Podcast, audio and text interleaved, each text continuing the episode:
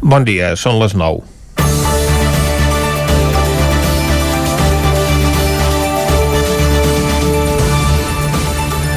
Avui és el dia de la tornada a l'escola després de les vacances de Nadal, que suposa el retorn a una certa normalitat dins de les incerteses que estem vivint.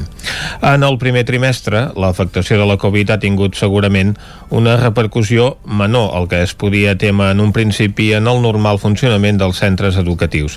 Però tal i com està ara la situació de la pandèmia, ningú s'aventura a pronosticar el que pugui acabar passant. Això sí, la voluntat és que aquesta reobertura dels centres es mantingui fins a finals de curs. El Departament d'Educació ja es va voler curar en salut endarrerint el retorn a les aules a aquest dilluns per deixar passar més dies després dels retrobaments familiars que acabaven dimecres passat dia de Reis i que poguessin aflorar més casos de contagi. Però alguns especialistes alerten que, atesa la situació epidemiològica, el millor hagués estat no reobrir els centres educatius i tenir els nens a casa.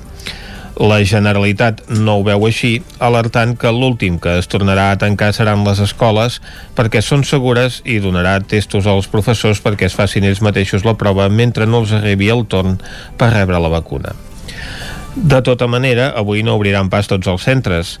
Avui us parlarem d'una escola de primària de Sant Feliu de Codines que no podrà iniciar l'activitat per una avaria a la calefacció en plena onada de fred.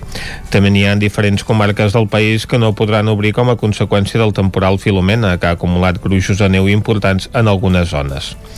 Al nostre territori, la seva afectació ha estat desigual. En alguns punts la incidència ha estat important i la combinació de neu i vent ha fet que s'acumulessin gruixos considerables que el converteixen en la nevada més important dels últims anys però com que la neu no va arribar a tothom que la desitjava i malgrat la situació de moltes carreteres, hi va haver qui va voler aprofitar el cap de setmana per anar a trepitjar la neu. L'Ajuntament de Sant Pere de Torelló va haver de demanar a la gent que no pugés en cotxe a Bellmunt, on la carretera és estreta i la neu encara deixava menys espai per aparcar al capdamunt. El mateix passava al Montseny, al Cabrerès o a Sabassona, per posar alguns exemples de llocs on la presència de vehicles fins i tot obstaculitzava la feina de les màquines llevaneus. I tota aquesta gent no eren veïns de Sant Pere, de l'Esquirol, de Tabertet, del Brull o de Montseny, sinó famílies que no només no seguien les recomanacions de protecció civil, sinó que també trencaven en plena pandèmia un confinament municipal que d'un moment encara ha de durar tot el que queda de setmana si no s'allarga. Després, tots aquests seran els primers de queixar-se si han de tornar a tancar les escoles. Comencem Territori 17 a la sintonia del 9 FM, Ona Codinenca, Ràdio Cardedeu, La Veu de Sant Joan i el 9 TV. Territori 17 amb Vicenç Vigues i Jordi Sunyer.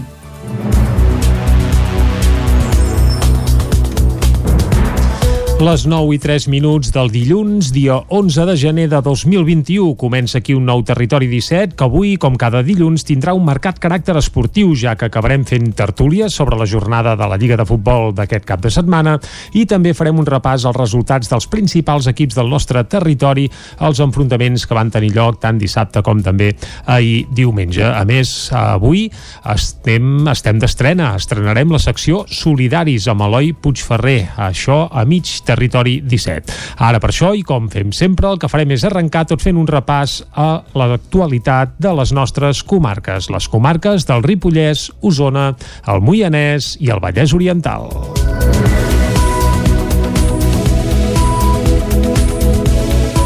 L'alumnat de primària de l'Escola Jaume Balmes de Sant Feliu no començarà el trimestre avui dilluns per una avaria greu a l'edifici de primària. Caral Campàs, des d'Ona Codinenca. Una avaria greu a la calefacció fa que els alumnes de primària de l'Escola Jaume Balmes no comencin avui, el segon trimestre, de manera presencial. Les glaçades han provocat una fuita al sistema soterrat de la calefacció i les aules es troben amb temperatures d'entre 5 i 8 graus. Mònica Coll és presidenta de l'Associació de Famílies i Alumnes diu que les aules estan entre 5 i 8 graus i no tenen solució per escalfar les aules de moment perquè bueno, quan hem fet la proposta doncs posem calefactors, es veu que també el, el, el sistema elèctric de l'escola també és tan antic que la que poses dos calefactors allò salta. Els mestres han preparat uns kits pels alumnes perquè puguin treballar des de casa, que cada família ha d'anar a recollir a l'escola i faran tutories virtuals. També s'ha habilitat un espai pels infants que no puguin quedar-se a casa i hagin d'anar forçosament a l'escola i es manté el servei de menjador. L'Ajuntament ha contractat una empresa especialitzada que posarà en marxa una caldera alternativa aquest dilluns mateix perquè dimecres els alumnes puguin tornar al centre. El personal de l'Hospital de Can de Bànol rebrà la vacuna de la Covid-19 aquesta setmana. Isaac Muntades, des de la veu de Sant Joan. La campanya de vacunació al Ripollès es reprendrà a partir d'aquest dimarts a la comarca amb l'administració del vaccí als treballadors de l'Hospital de Can de Bànol, que també inclouen els dels centres d'atenció de primària i els malalts de llarga estada que estan ingressats al centre hospitalari, segons va explicar el gerent de l'hospital, Joan Graner. En principi està prevista l'arribada d'unes 150 dosis del vaccí, tot i que durant la resta de la setmana n'arribaran més per poder vacunar a tothom. Graner va recordar que un cop s'ha descongelat la vacuna només és útil durant 5 dies perquè a partir de llavors s'inactiva i per tant s'hauran d'afanyar a posar-la. Tot i això, l'administració l'administració de la vacuna no és un salt conduït per fer el que es vulgui, perquè a banda d'haver de posar la segona dosi al cap de 21 dies s'ha d'esperar l'eficàcia de la vacuna. Graner era contundent en aquest sentit. No posant una dosi de vacuna, ja la, la gent ja pot fer el que li doni la gana, que és el que ha fet la gent durant aquest període de vacances, que la gent no ha respectat allò que es va dir que es tenia que respectar. No tots, però sí que sabem d'alguns que no van respectar les mesures d'allò que van dir, escolta, no més de sis, no més de dues bombolles, no més, no més, no més, i llavors tenim aquí un creixement important del nombre de casos.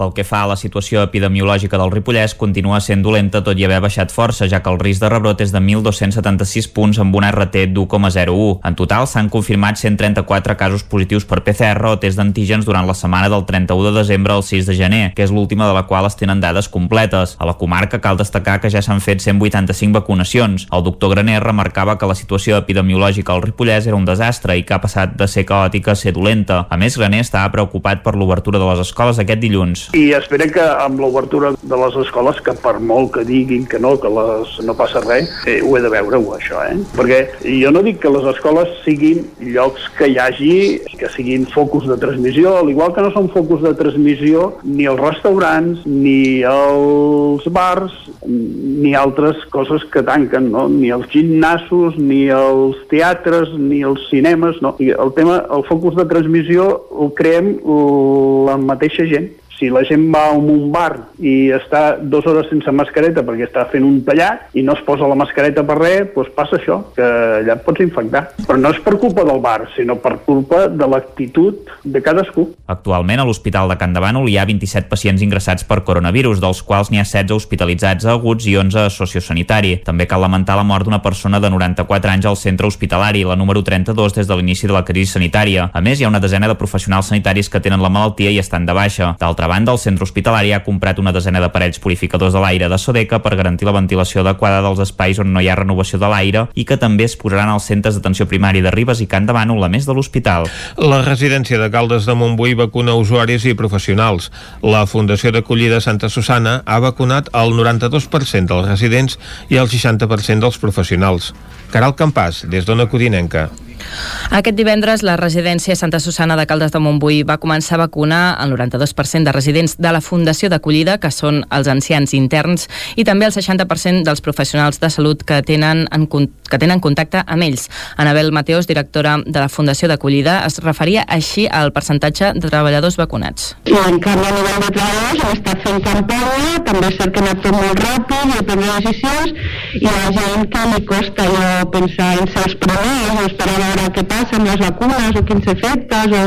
Bueno, jo crec que quan comencem a, no, a tota la població acabarem, hem d'acabar no? la gran majoria vacunats, però sí, és un acte voluntari, no és obligatori, per tant, un cop hem donat tota la informació, es vacunen les persones que, que volen, però sí, també continuarem fent campanya perquè puguem ser el màxim possibles. Al mateix temps, divendres es van vacunar el 76% dels professionals de la part sociosanitària. Pel que fa als usuaris d'aquesta secció, els vacunaran la setmana vinent perquè al no ser interns del centre entren dins una altra fase del planejament de vacunació. En general, des, dels diferents, des de les diferents direccions de les seccions de la Fundació apuntaven que la gestió de la vacuna ha sigut sobtada i que han hagut de reaccionar molt ràpid ràpid per poder-ho organitzar bé. Tot i això, coincidien en apuntar que és molt satisfactori poder tenir usuaris i professionals amb la primera dosi. La vacuna que es va administrar de forma gratuïta és la Pfizer, que s'ha de mantenir a menys 70 graus i dura 5 dies un cop fora del congelador. Quan obren la dosi del vial, s'ha d'administrar les 5 vacunes que en surten i s'ha de manipular amb molta cura. D'aquí a 21 dies s'haurà d'administrar la segona dosi. Durant aquests dies es farà un seguiment de la simptomatologia per controlar com respon el sistema immunològic de tots els residents. També a Cardedeu el Departament de Salut comença a vacunar les residències de la gent gran contra la Covid-19. David Auladell, de Ràdio Televisió Cardedeu. Les dues residències de Cardedeu han rebut ja la primera dosi de la vacuna contra la Covid-19. Les dues residències van rebre dijous passat la primera dosi de la vacuna Pfizer contra el coronavirus. En el cas de la residència d'avis Maranata es van vacunar 65 dels 70 residents que hi ha al centre. A la residència al racó de Cardedeu es van vacunar en total 47 persones entre els residents i el personal sanitari, d'un total de 49 persones que viuen i treballen a la residència. A dia d'avui, totes les persones que han rebut la dosi de la vacuna, tant gent gran com sanitaris treballadors, es troben en bon estat de salut. Finalment, les llibreries també han hagut de tancar durant el cap de setmana. En un canvi de criteri, no se'ls considerarà servei essencial a no ser que també venguin premsa. El confinament els enganxa, però, havent tancat una campanya de Nadal positiva. Després d'una bona campanya de Nadal, les llibreries han de tornar a baixar la persiana durant els caps de setmana amb les noves mesures que estaran en vigor fins al dia 17 de gener les llibreries només podran estar obertes els dissabtes i diumenges si venen premsa. Els llibreters estan desconcertats pel canvi de criteri d'última hora que no els considera un servei essencial i aquest cap de setmana ja han hagut de baixar la persiana. Jordi Anglada és el propietari de la llibreria Anglada i Toni Ferron de la llibreria Foster Wallace. Ens ha sorprès moltíssim perquè les últimes declaracions de la consellera de Cultura era que evidentment érem un, eh, érem un sector essencial. I per tant que de cara a les properes restriccions que hi poguessin haver, doncs havíem d'estar oberts. Això no ha estat així i per tant demà dissabte i l'altre dissabte haurem de tancar. Ens sorprèn moltíssim, no, no ens ho esperàvem, sincerament. S'afecta bastant perquè és el dissabte, que justament aquí Vic és el dia que hi ha el mercat i, i bueno, és un dia important, però també comparat amb altres, amb altres comerços pues, bueno, també és, és un dia. També tenim, encara podem tenir obert de dilluns a divendres i bueno, intentem compensar-ho encara que el gruix de la campanya de Nadal ja ha finalitzat durant aquestes setmanes de gener, habitualment els clients acudien a les llibreries per fer canvis en els regals que han rebut o bé per canviar els tiquets regals que s'han donat per les festes, una tasca que amb el confinament municipal i ara amb el tancament de cap de setmana s'ha complicat. Des de les llibreries també apunten que la cultura és un bé essencial per donar entreteniment mentre duri el confinament. Creiem que en aquests moments de que la gent està més a casa que mai, la lectura, els llibres, els contes, eh, material d'entreteniment, de tot tipus per pintar, per, per fer doncs, sopes de lletres, igual qualsevol cosa d'aquestes que, que, que nosaltres els hi podem oferir als clients, tot aquest material no el podran disposar i per tant sap greu. Després del Nadal són, són uns mesos que solen ser així més fluixos. Tot i això, com que contínuament hi ha novetats, bueno, doncs sempre fa que la gent vagi anant a les llibreries, hi hagi un interès per llibres que van sortint. Vull dir que és una cosa que, que és un continu. Però, evidentment, no... Clar, amb unes restriccions al gener a les llibreries és diferent que unes restriccions al mes de març o abril, com va ser en el primer confinament o, o l'octubre o novembre, com, com en una tardor normal.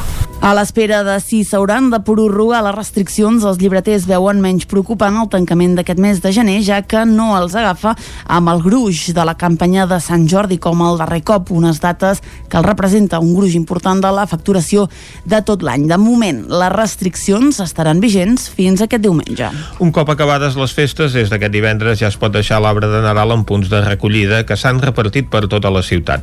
L'objectiu de la campanya que impulsa l'Ajuntament de Vic és evitar que els arbres s'abandonin al costat dels contenidors. Durant dues setmanes es pot deixar l'arbre de Nadal en 15 punts de recollida que s'han habilitat per tota la ciutat de Vic. D'aquesta manera, l'Ajuntament espera evitar que s'abandonin al carrer al costat dels contenidors d'escombraries. Albert Castells és el regidor de Medi Ambient de l'Ajuntament de Vic. Fins al dia 22 de gener eh, hem habilitat fins a 15 punts a tota la ciutat per la recollida d'arbres de Nadal, que aquests dies doncs, han servit de decoració a moltes cases. Doncs demanem a tots els veïns doncs, que tinguin arbres de naturals, que els dipositin en aquests espais habilitats per poder ser tractats eh, pel part de l'àrea de serveis com a, com a compost pels parterres i pels espocells dels arbres de la ciutat.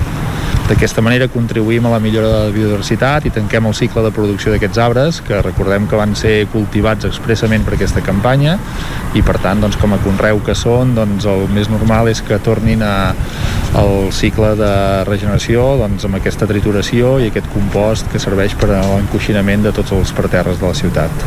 L'any passat es va recollir fins a un 28% més d'arbres que en la darrera edició, al voltant d'una setantena, una xifra que esperen superar encara més aquest any. Un cop recollits els avets s'aprofiten com a material per la jardineria de la ciutat. En els últims 3 anys hi ha hagut aquest increment progressiu d'un 15 o un 20% i esperem que aquest any doncs, continuem eh, això recollint aquesta tendència a l'alça d'aquesta cap a setantena d'arbres que es van recollir doncs, l'any passat. Esperem que doncs, tots els veïns que disposin d'aquests arbres encara a casa doncs, aquests propers dies i fins al 22 de gener els dipositin als espais, els 15 espais habilitats a tota la ciutat. La llista de tots els punts de recollida es pot consultar a la pàgina web de l'Ajuntament. Alguns d'aquests punts es troben a la plaça Lluís Companys, a l'estació o a la Rambla de l'Hospital, encara que si es vol també es poden portar a la deixalleria. I fins aquí el butlletí de notícies que us hem ofert amb les veus de Vicenç Vigues, Clàudia Dinarès, David Auladell, Caral Campàs i Isaac Muntades. I ara seguim i anem a parlar de la informació meteorològica. Farem balanç del Filomena i el Pep Acosta, evidentment, també ens avançarà el temps que ens espera per a les properes hores. El saludem de seguida.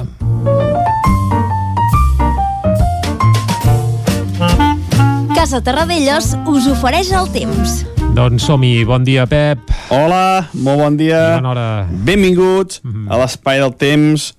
Què dir del cap de setmana? El que vulguis. Mm, què dir? doncs que hem tingut aquesta enorme pertorbació uh, anomenada Filomena. Mm -hmm. Sí que tenim registres molt importants de neu. A Vidrà, 40 centímetres, Espinavell, 38, el Turó d'Home, més de 50 de tot, Uh, també Ull de Ter, més de 50 centímetres a uh, de tot, 50 centímetres, perdó, però són registres uh, entre cometes normals, aquests. Aquestes zones neva molt, molt sovint i es produeixen aquestes quantitats de neu moltes vegades uh, durant els últims anys. Però si la pertorbació hagués seguit una mica més al nord, poblacions com Granollers, uh, com Cales de Montbui, Cardedeu, um, a nivell Mm, pocs metres a del mar haguessin rebut gran quantitat de neu com han rebut a, eh, cap a les províncies de Lleida i de Tarragona. Uh mhm. -huh. Se'n va aquesta perturbació, se'n va. A les nostres comarques ja hem repassat el nivell de, de neu i la pluja va afectar molts jocs de pluja. Jo, sincerament, pensava que n'hauria més llocs a les nostres comarques, que veuríem neu a molts més llocs i neu mica més important. No... Dir, sí. Però bueno, eh, s'ha quedat més al sud l'anada important, aquí vam tenir pluges, les màximes condens entre 10 i 20 litres, però bueno, va anar molt bé, eh? feia des de l'inici d'any que no plovia, una pluja molt, molt maca. I la temperatura molt baixa durant tot el cap de setmana. Es podia dir que les nostres poblacions no han superat els 7 graus, per tant, mireu quines temperatures tan baixes, i a la nit, negatives, i no a molta altitud, 800-900 metres, gairebé tot el cap de setmana la temperatura ha sigut sota zero. Uh, estem tenint un inici d'any amb unes temperatures gèlides que fa bastantes temporades que no teníem aquest inici d'any, eh? Un fet extra... Jo, jo mm, diria que són uns, uns fets extraordinaris. Ostres, són unes, unes temperatures bastant, bastant extraordinàries en els últims anys i dècades, diria ara. Feta tota aquesta introducció, ja podem dir que aquesta perturbació, la Filomena, uh mhm. -huh. ha marxat, ja no ens afecta, i ara mateix entra l'anticicló. Entra l'anticicló amb força i s'hi vol quedar bastants dies. Els efectes, atenció a les temperatures mínimes, l'aire fet quedar enclotat, sobretot en zones fondes, i la, sobretot la pressió de la plana de Vic, també la plana del Vallès, les temperatures mínimes dels pròxims dies seran molt baixes. Atenció amb la boira, que ara, avui, de moment encara no, però els pròxims dies, novament a la zona de Vic, serà molt persistent, es pot quedar moltes hores i pot provocar gelades molt importants durant tot el dia. Eh? Uh, boira gebradora que serà notícia els pròxims dies. Però uh, anem a pams, anem a pams, anem al dia d'avui, que serà un dia totalment diferent al cap de setmana. Hi ha un dia molt tranquil, amb unes temperatures ara mateix molt baixes, 2-3 sota 0 cap a la plana de Vic, uh, lleugerament positives al Vallès, el Pirineu per sota dels 5 sota 0. I doncs això, com deia, serà un dia molt diferent al cap de setmana, farà molt de sol, alguna boira ara mateix ja cap a, com deien, cap a les planes, però avui, avui encara es dissiparà, no serà persistent ni de bon tros. Les temperatures màximes pujaran, arribem als 8, 9, 10 graus en alguna zona, per tant, uh, un lleuger respir, a les temperatures màximes, el sol s'hi estarà relativament bé, eh? entre cometes, no farà el fred del cap de setmana. Uh -huh. I això, eh, l'anticicló es consolidarà, els pròxims dies serà bastant, bastant important aquest anticicló, molt fort i ferm, i farà que les temperatures màximes pugin als llocs on no hi hagi boira. Els llocs on hi hagi boira serà un autèntic congelador durant tota la setmana. Moltes gràcies i ens anem escoltant. Fins aviat, adeu. Vinga, moltes gràcies, Pep, i ens quedem amb això, amb aquest congelador que tindrem, almenys uh -huh. a la plana, durant tota la setmana, segons el Pep Acosta. Ah, ens ho trobarem. Ah, exacte, caldrà que anem abrigats tots. Va, doncs abrigats, podem anar ara mateix cap al quiosc. Casa Tarradellas us ha ofert aquest espai.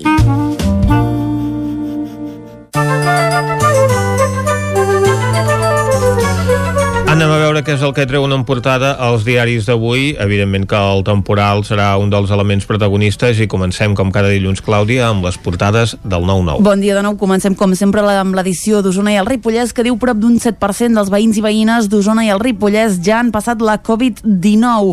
A la imatge diu una nevada desigual. Gruixos generosos, el Coll Sacabra i el Vidranès contrasten amb la discreta amb l'enquinada de la plana de Vic. A l'edició del Vallès Oriental diu Granollers i Mollet han mediat en uns 200 casos de desnonaments des del primer estat d'alarma. Els ajuntaments temen que el pitjor per l'efecte de la Covid-19 encara hagi d'arribar. A la imatge tornem a veure el Filomena que diu respecte al Vallès Oriental i només se sent al Montseny. Anem a les portades a la premsa catalana. Comencem amb el punt avui que diu Objectiu 14F. Avui es clou el termini per presentar candidatures amb fitxatges destacats. A la imatge, gruixos de més de mig metre de neu a la Terra Alta i al Priorat pateixen pels talls de llum i que es facin plaques de gel. Salut tindrà 490 llits d'UCI més de cara al mes de febrer.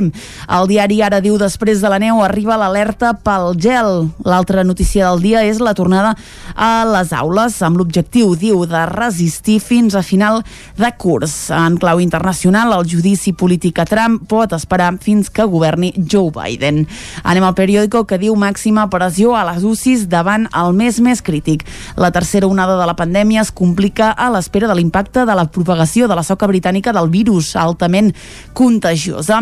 A Barcelona eh, s'habiliten nous espais per les persones sense sostre i aquí al periòdico també hi afegeixen avui un manual per exercir el vot per correu en les eleccions del 14F. A l'avantguàrdia el suport a la independència cau, diu, el 43% davant gairebé un 50% que hi votaria en contra. A la imatge Filomena se'n va deixant empremta a Catalunya i la futura Junta del Barça s'enfronta a un mandat d'austeritat i retallades. Anem a veure què treuen en portada als diaris de Madrid. Comencem, com sempre, amb el país que diu el pacte Espanya-Regne Unit preveu demolir la valla de Gibraltar. Madrid recobra el pols, però tem el fred i els assessors de Calviño rebaixen l'optimisme econòmic. Anem al Mundo que diu Madrid treballa per sortir del caos i el govern relativitza el dany. A la imatge hi veiem el president que aquests dies doncs, s'ha doncs, desplaçat en un 4x4. També hi afegeixen alguna declaració de persones necessitades que diuen si ve l'onada de fred aquesta nit em moriré al carrer. A la Razón eh, obren amb unes declaracions de Pablo Casado, president del Partit Popular, que diu Sánchez arriba tard però li donaré suport davant l'onada de fred i el govern es nega a declarar Madrid zona catastròfica. És el mateix tema que obre avui l'ABC que diu després de la neu arriba una onada de fred extrem. El govern no garanteix el repartiment de subministraments i tampoc de la vacuna del coronavirus, però rebutja declarar Madrid zona catastròfica. Les portades dels diaris d'avui, evidentment, referides a aquesta situació meteorològica, les conseqüències del temporal a Filomena, que ha cobert de blanc bona part del territori de l'estat espanyol. Els diaris catalans s'hi refereixen a les seves portades amb imatges d'algunes d'aquestes zones més nevades de Catalunya, la zona de Tarragona, les terres de Lleida, l'únic diari català que no treu en portada com a foto destacada doncs, doncs, eh, aquesta nevada és el periòdico que es fixa amb la situació de tensió al sector eh, sanitari. A Madrid sí que, lògicament, amb aquests metres de neu que han caigut a la capital espanyola, doncs centren les seves portades amb imatges de la capital. El Mundo, per exemple, opta per una imatge del president del govern sortint d'un 4x4 per anar a una reunió del Ministeri de l'Interior per analitzar les conseqüències de la nevada, hi ha doncs, eh, gent traient neu a la portada de l'ABC, la unitat militar d'emergències també pels carrers de Madrid és la fotografia de la portada del país i la Razón que opta per una entrevista al president del Partit eh, Popular a Pablo Casado, que se'l veu retratat i somrient sota unes volves de neu, el que no han aprofitat és per treure la fotografia de la imatge del president del Partit Popular ahir amb la pala i traient neu pels carrers de Madrid perquè la gent pogués arribar a centres de salut que estaven tancats. Bé, uh, haguessin tingut molta feina per fer aquesta foto perquè potser hi va estar mig minutet, eh, fent-ho. Per tant... La veritat és que anava molt mudat per anar a treure neu. Sí, no, però vaja, uh, què hi farem? Farem. Tornant a la nevada, eh, deixa'm dir que divendres, com que en vam parlar molt amb el Pep Acosta, amb tu Vicenç mateix, eh, deixa'm dir eh, amb confiança que jo me n'esperava una mica més. Eh? uh, territori 17, home, sí, aviam, el, el Coll Cabra, alguns punts del Ripollès Sud, el Vidranès, eh, el peu del Montseny, a la falda del Montseny sí que n'ha caigut i força, però la, el Vallès Oriental molt testimonial, el Moianès també, la Plana de Vic no cal ni dir-ho, i i el Ripollès en l'aire també poca neu, eh? Bé, al Ripollès hi ha alguns punts que sí que déu nhi mm -hmm. el, que, el que ha nevat també i això, els punts més elevats doncs, de les nostres comarques, però vaja, el Montseny tampoc presentava aquell aspecte que es podia esperar mm. amb tot el temporal que va acabar caient. Bé, fet aquest apunt, fem una pausa i tornem a dos quarts en punt a més informació. Fins ara. El nou FM, la ràdio de casa, al 92.8. Cocodril Club. Si t'agrada la bona música dels anys 60, 70 i 80, escolta el 9 FM als matins de dissabtes i diumenges d'11 a 1. És el temps del Cocodril Club, tot un clàssic de la ràdio, amb les bases del pop-rock, les llegendes, les cançons que s'han convertit en autèntics himnes. Recorda, dissabtes i diumenges al matí, d'11 a 1, al 9 FM 92.8. Cocodril Club, el programa revival de l'Albert Malla. Hasta luego, cocodrilo. Anuncia't al 9FM. La màquina de casa. 9 3 8 8 9 4 9 4 9. Publicitat arroba al 9FM.cat. Anuncia't al 9FM. La publicitat més eficaç. Catalunya és un país amb un sector industrial potent, format majoritàriament per petites i mitjanes empreses. La indústria és el segon sector en consum d'energia final a Catalunya, amb el 27%, just després del transport que aglutina el 43%. Dit d'una altra manera, la indústria consumeix més de la meitat de l'energia primària al nostre país. Desenvolupar accions que promoguin la descarbonització de la indústria és clau per un país sostenible i productivament competitiu. Europa i el món sencer avancen cap a la transició energètica i el sector industrial no n'és una excepció. Actualment, les empreses poden demanar ajuts destinats a accions d'eficiència energètica a les seves plantes productives. Són ajuts a fons perdut procedents del Fons Nacional d'Eficiència Energètica i que gestionen des de l'Institut Català d'Energia. Estem parlant d'actuacions energètiques en motors elèctrics, compressors d'aire, sistemes de vapor, sistemes de bombeig, sistemes de refrigeració o climatització, sistemes de secatge, concentració i separació, tractament de les aigües residuals, i implantació de sistemes de gestió energètica. Aquestes empreses i moltes més són clars exemples d'aquesta transició energètica, que és essencial per aconseguir una indústria 100% descarbonitzada el 2050. A la web de l'Institut Català d'Energia hi trobareu tota la informació. Hi ha temps fins al 31 de desembre. Més informació a icaen.gencat.cat. Generalitat de Catalunya. Les bones decisions tenen premi. I és que si té una caldera Vaillant, està d'enhorabona. Vaillant li ofereix fins a 15 anys de cobertura total, amb la revisió obligatòria inclosa. Informis a Oficiat Nord trucant al 93 886 0040. Amb el servei tècnic oficial de Vaillant, la seva caldera estarà en les millors mans. El 9 FM. La ràdio de casa al 92.8.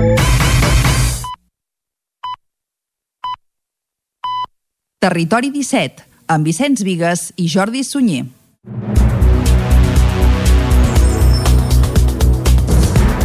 Són dos quarts de deu d'avui, de dilluns, d'avui dilluns, dia 11 de gener de 2021. Seguim aquí en directe a Territori 17 i us farem companyia fins a les 12 del migdia. Ara de seguida el que farem és repassar de nou tota l'actualitat de les nostres comarques i després, a partir de les 10, tindrem les seccions habituals del dilluns. Els dilluns sempre amb un marcat caràcter esportiu, ja que acabem fent tertúlia esportiva sobre la jornada de la Lliga de Futbol del cap de setmana. Pel camí també repassarem els resultats dels principals equips del nostre territori aquest cap de setmana. I, a més a més, avui estem d'estrena, perquè estrenarem Solidaris, una nova secció que ens acompanyarà tots els dilluns, que ens portarà el company Eloi Puigferrer. Ara, però, el que toca és acostar-vos de nou l'actualitat de les nostres comarques. Ja ho sabeu, les comarques del Ripollès, Osona, el Moianès i el Vallès Oriental.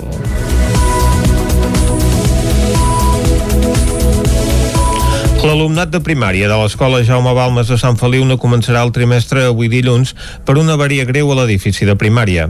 Caral Campàs, des d'Ona Codinenca. Una avaria greu a la calefacció fa que els alumnes de primària de l'escola Jaume Balmes no comencin avui, el segon trimestre, de manera presencial. Les glaçades han provocat una fuita al sistema soterrat de la calefacció i les aules es troben amb temperatures d'entre 5 i 8 graus. Mònica Coll és presidenta de l'Associació de Famílies i Alumnes diu que les aules estan entre 5 i 8 graus i no tenen solució per escalfar les aules de moment perquè bueno, quan hem fet la proposta doncs posem calefactors, es veu que també el, el, el sistema elèctric de l'escola també està antic que la que poses dos calefactors allò salta.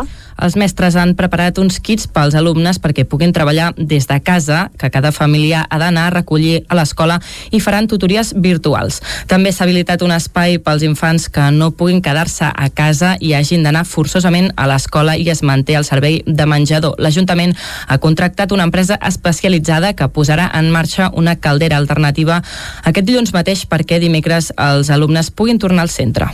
El personal de l'Hospital de Can de Bànol rebrà la vacuna de la Covid-19 aquesta setmana. Isaac Muntades, des de la veu de Sant Joan.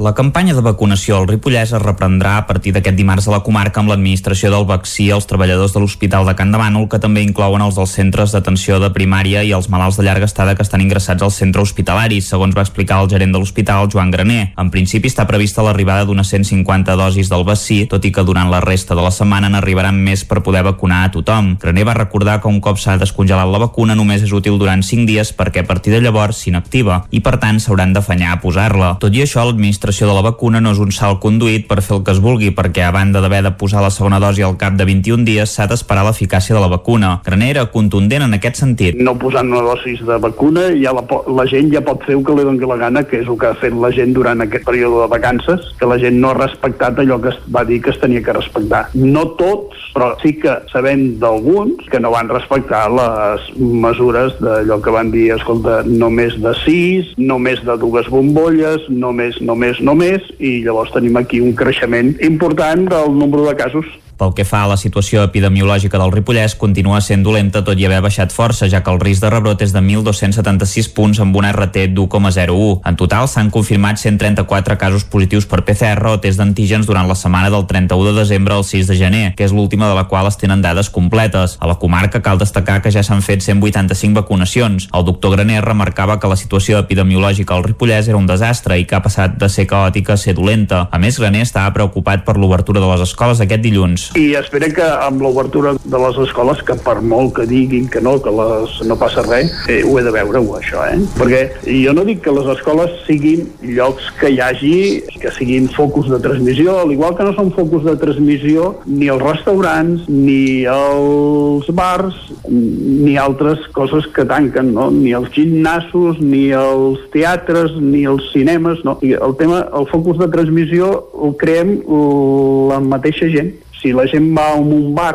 i està dues hores sense mascareta perquè està fent un tallat i no es posa la mascareta per res, doncs passa això, que allà et pots infectar. Però no és per culpa del bar, sinó per culpa de l'actitud de cadascú. Actualment a l'Hospital de Can de Bànol hi ha 27 pacients ingressats per coronavirus, dels quals n'hi ha 16 hospitalitzats aguts i 11 a sociosanitari. També cal lamentar la mort d'una persona de 94 anys al centre hospitalari, la número 32 des de l'inici de la crisi sanitària. A més, hi ha una desena de professionals sanitaris que tenen la malaltia i estan de baixa. D'altra D'altra banda, el centre hospitalari ha comprat una desena d'aparells purificadors de l'aire de Sodeca per garantir la ventilació adequada dels espais on no hi ha renovació de l'aire i que també es posaran als centres d'atenció primària de Ribes i Can de Bànol, a més de l'hospital. La residència de Caldes de Montbui vacuna usuaris i professionals. La Fundació d'Acollida Santa Susana ha vacunat el 92% dels residents i el 60% dels professionals. Caral Campàs, des d'Ona Codinenca. Aquest divendres la residència Santa Susana de Caldes de Montbui va començar a vacunar el 92% de residents de la Fundació d'Acollida, que són els ancians interns, i també el 60% dels professionals de salut que tenen, en, que tenen contacte amb ells. Anabel Mateos, directora de la Fundació d'Acollida, es referia així al percentatge de treballadors vacunats. En canvi a nivell de treballadors hem estat fent campanya, també és cert que ha anat tot molt ràpid i prendre decisions, i a la gent que li costa jo pensar en primers o esperar veure què passa amb les vacunes o quins efectes, o... Bueno, jo crec que quan comencem a, no, a tota la població acabarem, hem d'acabar, no?, la gran majoria vacunats, però sí, és un acte voluntari, no és obligatori, per tant, un cop hem donat tota la informació, es vacunen les persones que, que volen, però sí, també continuarem fent campanya perquè puguem ser el màxim possibles. Al mateix temps, divendres es van vacunar el 76% dels professionals de la part sociosanitària. Pel que fa als usuaris d'aquesta secció, els vacunaran la setmana vinent perquè al no ser interns del centre entren dins una altra fase del planejament de vacunació. En general, des, dels diferents, des de les diferents direccions de les seccions de la Fundació apuntaven que la gestió de la vacuna ha sigut sobtada i que han hagut de reaccionar molt ràpid per poder-ho organitzar bé. Tot i això, coincidien en apuntar que és molt satisfactori poder tenir usuaris i professionals amb la primera dosi. La vacuna que es va administrar de forma gratuïta és la Pfizer, que s'ha de mantenir a menys 70 graus i dura 5 dies un cop fora del congelador. Quan obren la dosi del vial, s'ha d'administrar les 5 vacunes que en surten i s'ha de manipular amb molta cura. D'aquí a 21 dies s'haurà d'administrar la segona dosi. Durant aquests dies es farà un seguiment de la simptomatologia per controlar com respon el sistema immunològic de tots els residents. També a Cardedeu el Departament de Salut comença a vacunar les residències de la gent gran contra la Covid-19. David Auladell, de Ràdio Televisió Cardedeu. Les dues residències de Cardedeu han rebut ja la primera dosi de la vacuna contra la Covid-19. Les dues residències van rebre dijous passat la primera dosi de la vacuna Pfizer contra el coronavirus. En el cas de la residència d'avis Maranata es van vacunar 65 dels 70 residents que hi ha al centre. A la residència al racó de Cardedeu es van vacunar en total 47 persones entre els residents i el personal sanitari, d'un total de 49 persones que viuen i treballen a la residència. A dia d'avui, totes les persones que han rebut la dosi de la vacuna, tant gent gran com sanitaris treballadors, es troben en bon estat de salut. Finalment, les llibreries també han hagut de tancar durant el cap de setmana. En un canvi de criteri, no se'ls considerarà servei essencial a no ser que també venguin premsa. El confinament els enganxa, però, havent tancat una campanya de Nadal positiva. Després d'una bona campanya de Nadal, les llibreries han de tornar a baixar la persiana durant els caps de setmana amb les noves mesures que estaran en vigor fins al dia 17 de gener moment les llibreries només podran estar obertes els dissabtes i diumenges si venen premsa. Els llibreters estan desconcertats pel canvi de criteri d'última hora que no els considera un servei essencial i aquest cap de setmana ja han hagut de baixar la persiana. Jordi Anglada és el propietari de la llibreria Anglada i Toni Ferron de la llibreria Foster Wallace ens ha sorprès moltíssim perquè les últimes declaracions de la consellera de Cultura era que evidentment érem un, eh, érem un sector essencial. I per tant que de cara a les properes restriccions que hi poguessin haver doncs havíem d'estar oberts. Això no ha estat així i per tant demà dissabte i l'altre dissabte haurem de tancar. Ens sorprèn moltíssim. No, no ens ho esperàvem sincerament. Afecta bastant perquè és el dissabte que justament aquí Vic és el dia que hi ha el mercat i, i bueno, és un dia important però també comparat amb altres amb altres comerços pues, bueno, també és, és un dia. També tenim, encara podem tenir obert de dilluns a divendres i bueno, intentem compensar-ho encara que el gruix de la campanya de Nadal ja ha finalitzat durant aquestes setmanes de gener, habitualment els clients acudien a les llibreries per fer canvis en els regals que han rebut o bé per canviar els tiquets regals que s'han donat per les festes, una tasca que amb el confinament municipal i ara amb el tancament de cap de setmana s'ha complicat. Des de les llibreries també apunten que la cultura és un bé essencial per donar entreteniment mentre duri el confinament.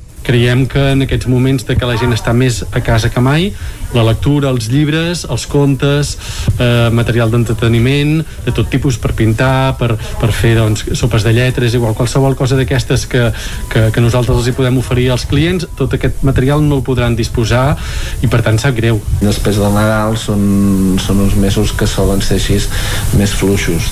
Tot i això, com que contínuament hi ha novetats, bueno, doncs sempre fa que la gent vagi anant a les llibreries, hi hagi un interès per llibres que van sortint. Vull dir que és una cosa que, que és un continu. Però evidentment no... Clar, unes restriccions al gener a les llibreries és diferent que unes restriccions al mes de març o abril, com va ser en el primer confinament o, o l'octubre o el novembre, com, com en una tardor normal. A l'espera de si s'hauran de prorrogar les restriccions, els llibreters veuen menys preocupant el tancament d'aquest mes de gener, ja que no els agafa amb el gruix de la campanya de Sant Jordi com el darrer cop, unes dates que el representa un gruix important de la facturació de tot l'any. De moment, les restriccions estaran vigents fins aquest diumenge. Un cop acabades les festes, des d'aquest divendres ja es pot deixar l'arbre de Nadal en punts de recollida que s'han repartit per tota la ciutat. L'objectiu de la campanya que impulsa l'Ajuntament de Vic és evitar que els arbres arbres s'abandonin al costat dels contenidors. Durant dues setmanes es pot deixar l'arbre de Nadal en 15 punts de recollida que s'han habilitat per tota la ciutat de Vic. D'aquesta manera, l'Ajuntament espera evitar que s'abandonin al carrer al costat dels contenidors d'escombraries. Albert Castells és el regidor de Medi Ambient de l'Ajuntament de Vic. Fins al dia 22 de gener eh, hem habilitat fins a 15 punts a tota la ciutat per la recollida d'arbres de Nadal, que aquests dies doncs, han servit de decoració a moltes cases, doncs demanem a tots els veïns doncs, que tinguin arbres de naturals, que els dipositin en aquests espais habilitats per poder ser tractats eh, pel part de l'àrea de serveis com a, com a compost pels parterres i pels espocells dels arbres de la ciutat. D'aquesta manera contribuïm a la millora de la biodiversitat i tanquem el cicle de producció d'aquests arbres, que recordem que van ser cultivats expressament per aquesta campanya i per tant, doncs, com a conreu que són, doncs, el més normal és que tornin a, al cicle de regeneració doncs, amb aquesta trituració i aquest compost que serveix per a l'encoixinament de tots els parterres de la ciutat. L'any passat es va recollir fins a un 28% més d'arbres que en la darrera edició, al voltant d'una setantena, una xifra que esperen superar encara més aquest any, un cop recollits els avets s'aprofiten com a material per la jardineria de la ciutat. En els últims 3 anys hi ha hagut aquest increment progressiu d'un 15 o un 20% i esperem que aquest any doncs, continuem eh, això, recollint aquesta tendència a l'alça d'aquesta cap a setantena d'arbres que es van recollir doncs, l'any passat. Esperem que doncs, tots els veïns que disposin d'aquests arbres encara a casa doncs, aquests propers dies i fins al 22 de gener els dipositin als espais, els 15 espais habilitats a tota la ciutat. La llista de tots els punts de recollida es pot consultar a la pàgina web de l'Ajuntament. Alguns d'aquests punts es troben a la plaça Lluís Companys, a l'estació o a la Rambla de l'Hospital, encara que si es vol també es poden portar a la deixalleria. I fins aquí el butlletí de notícies que us hem ofert amb les veus de Vicenç Vigues, Clàudia Dinarès, David Auladell, Caral Campàs i Isaac Muntades. I ara seguim i anem a parlar de la informació meteorològica. Farem balanç del Filomena i el Pep Acosta, evidentment, també ens avançarà el temps que ens espera per a les properes hores. El saludem de seguida.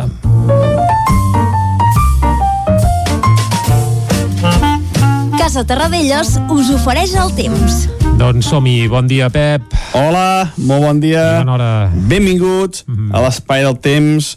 Què dir del cap de setmana? El que vulguis. Què dir? Doncs que ja hem tingut aquesta enorme pertorbació uh, anomenada Filomena, mm -hmm. sí que tenim registres molt importants de neu, a Vidrà, 40 centímetres, Espinavell, 38, el Turó de més de 50 de tot, Uh, també Ter, més de 50 centímetres a uh, de tot, 50 centímetres, perdó, però són registres uh, entre cometes normals, aquests. Aquestes zones neva molt, molt sovint i es produeixen aquestes quantitats de neu moltes vegades uh, durant els últims anys. Però si la pertorbació hagués seguit una mica més al nord, poblacions com Granollers, uh, com Cales de Montbui, Cardedeu, um, a nivell mm, pocs metres a del mar haguessin rebut gran quantitat de neu com han rebut a, cap a les províncies de Lleida i de Tarragona. Uh -huh. Se'n va aquesta perturbació, se'n va.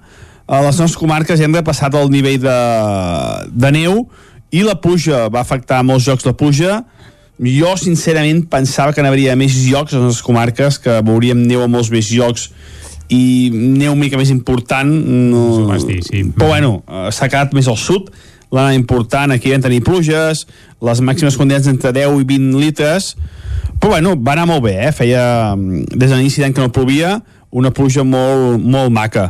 I la temperatura molt baixa durant tot el cap de setmana, es podia dir que les nostres poblacions no han superat els 7 graus, per tant, mireu quines temperatures tan baixes, i a la nit negatives i no a molta altitud 800-900 metres gairebé tot el cap de setmana la temperatura ha sigut sota zero uh, estem tenint un inici d'any amb unes temperatures gèlides que fa bastantes temporades que no teníem aquest inici d'any eh?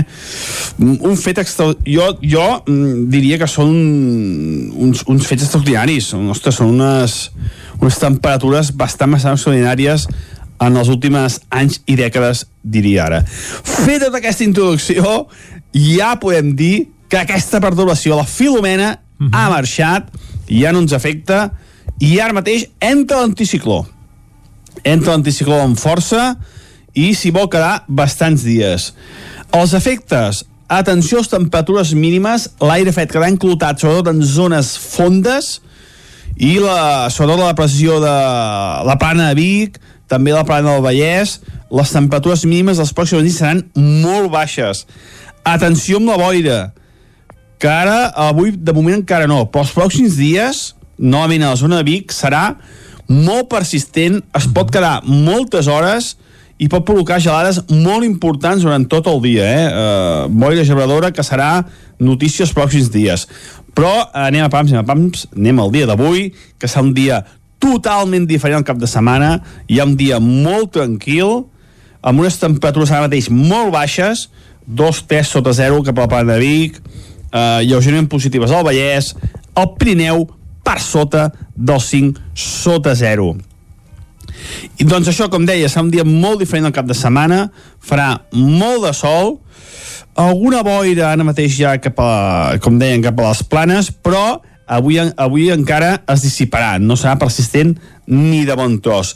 Les temperatures màximes pujaran, arribem als 8, 9, 10 graus en alguna zona, per tant, uh, un lleuger respir, a les temperatures màximes, el sol s'hi estarà relativament bé, eh? entre cometes, no farà el fred del cap de setmana. Uh -huh. I això, eh, l'anticicló es consolidarà, els pròxims dies serà bastant, bastant important aquest anticicló, molt fort i ferm, i farà que les temperatures màximes pugin als jocs on no hi hagi boira. Els llocs on hi hagi boira serà un autèntic congelador durant tota la setmana. Moltes gràcies i ens anem escoltant. Fins aviat, adeu. Vinga, moltes gràcies, Pep, i ens quedem amb això, amb aquest congelador que tindrem, almenys uh -huh. a la plana, durant tota la setmana, segons el Pep Acosta. Ah, ens ho trobarem. Ah, exacte, caldrà que anem abrigats tots. Va, doncs abrigats, podem anar ara mateix cap al quiosc. Casa Tarradellas us ha ofert aquest espai.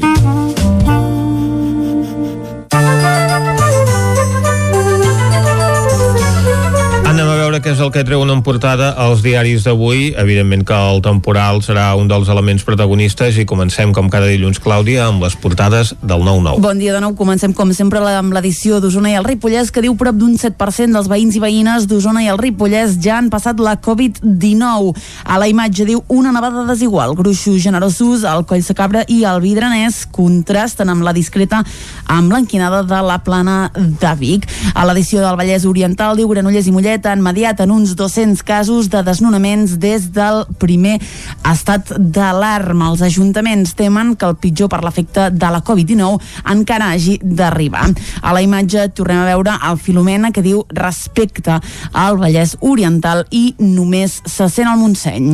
Anem a les portades de la premsa catalana. Comencem amb el punt avui que diu Objectiu 14F. Avui es clou el termini per presentar candidatures amb fitxatges destacats. A la imatge, gruixos de més de mig metre de neu a la Terra Alta i al Priorat pateixen pels talls de llum i que es facin plaques de gel. Salut tindrà 490 llits d'UCI més de cara al mes de febrer. El diari ara diu després de la neu arriba l'alerta pel gel. L'altra notícia del dia és la tornada a les aules amb l'objectiu, diu, de resistir fins a final de curs. En clau internacional, el judici polític a Trump pot esperar fins que governi Joe Biden. Anem al periòdico que diu màxima pressió a les UCIs davant el mes més crític.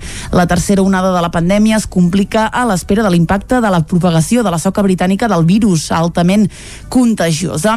A Barcelona eh, s'habiliten nous espais per les persones sense sostre i aquí al periòdico també hi afegeixen avui un manual per exercir el vot per correu en les eleccions del 14F.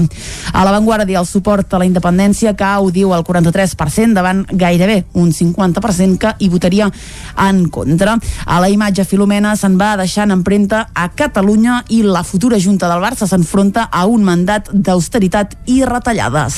Anem a veure què treuen en portada als diaris de Madrid. Comencem, com sempre, amb el país que diu el pacte Espanya-Regne Unit preveu demolir la valla de Gibraltar. Madrid recobra el pols, però tem el fred i els assessors de Calviño rebaixen l'optimisme econòmic. Anem al Mundo que diu Madrid treballa per sortir del caos i el govern relativitza el dany. A la imatge hi veiem el president que aquests dies doncs, s'ha doncs, desplaçat en un 4x4. També hi afegeixen alguna declaració de persones necessitades que diuen si ve l'onada de fred aquesta nit em moriré al carrer. A la Razón eh, obren amb unes declaracions de Pablo Casado, president del Partit Popular, que diu Sánchez arriba tard però li donaré suport davant la onada de fred i el govern es nega a declarar Madrid zona catastròfica. És el mateix tema que obre avui l'ABC que diu després de la neu arriba una onada de fred extrem. El govern no garanteix el repartiment de subministraments i tampoc de la vacuna del coronavirus, però rebutja declarar Madrid zona catastròfica. Les portades dels diaris d'avui, evidentment, referides a aquesta situació meteorològica, les conseqüències del temporal Filomena, que ha cobert de blanc bona part del territori de l'estat espanyol. Els diaris catalans s'hi refereixen en les seves portades amb imatges d'algunes d'aquestes zones més nevades de Catalunya, la zona de Tarragona, les terres de Lleida, l'únic diari català que no treu en portada com a foto destacada doncs, aquesta nevada és el periòdico que es fixa amb la situació de tensió al sector sanitari. A Madrid sí que lògicament amb aquests metres de neu que han caigut a la capital espanyola.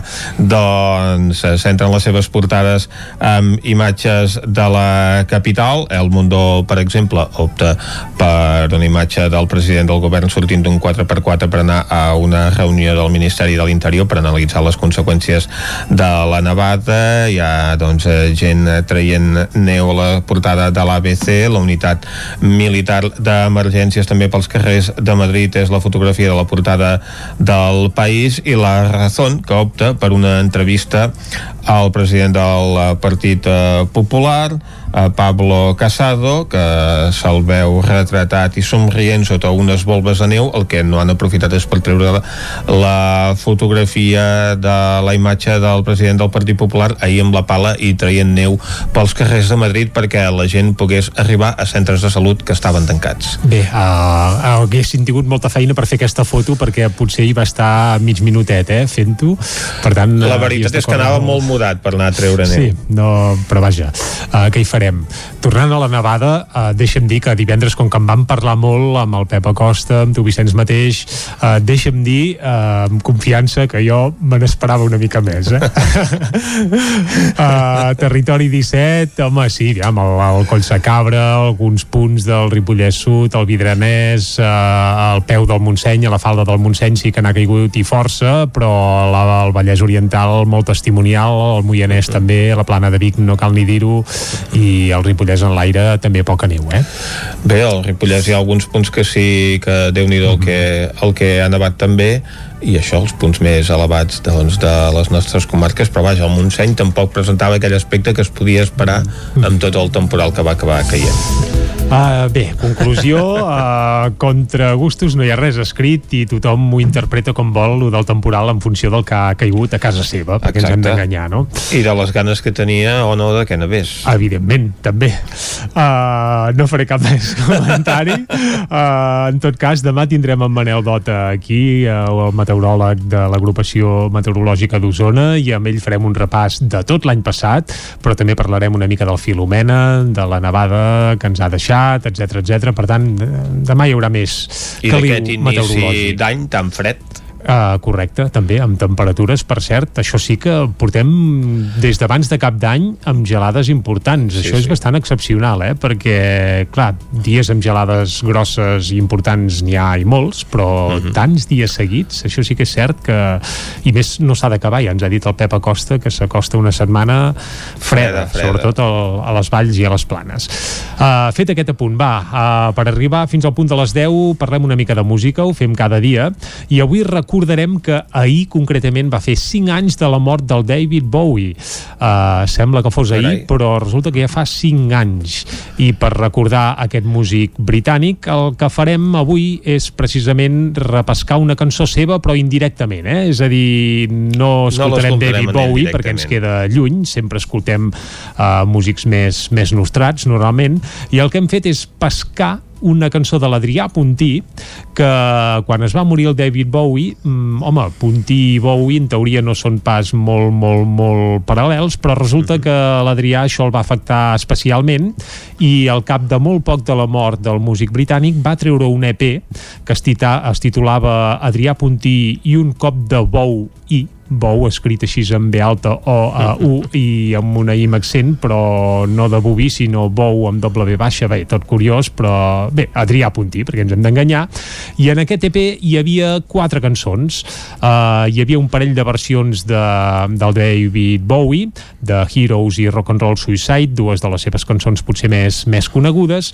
I després n'hi havia dues uh, fetes pel mateix Puntí inspirades amb el David Bowie. Jo em volia posar una d'aquestes una versió de l'Adrià Puntí del David Bowie, però resulta que per una qüestió de drets i històries, doncs aquestes cançons han desaparegut una mica del mapa i els que tenim el disc físic doncs ho tindrem eternament, però jo el disc físic me l'he deixat a casa i les altres doncs diguem que han desaparegut una mica. Per tant, el que farem és escoltar una de les peces que l'Adrià Puntí va fer en homenatge al David Bowie, concretament, concretament una que es diu Flor d'un dia.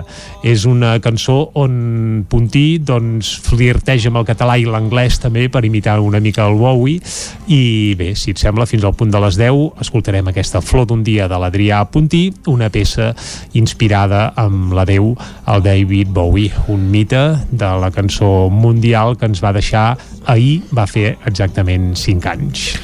Endavant, doncs, amb l'Adrià Puntí, Puntí o com es vulgui dir. Puntí, com es vulgui dir, Josep Puntí, Adrià, David Bowie, el que faci falta. Uh, un geni, que aquest sí que encara el tenim entre nosaltres. Avui, Flor d'un dia del Bowie en homenatge a l'Adrià Puntí, o la inversa, Adrià Puntí homenatjant David Bowie. Amb això arribarem fins al punt de les 10 aquí a Territori 17.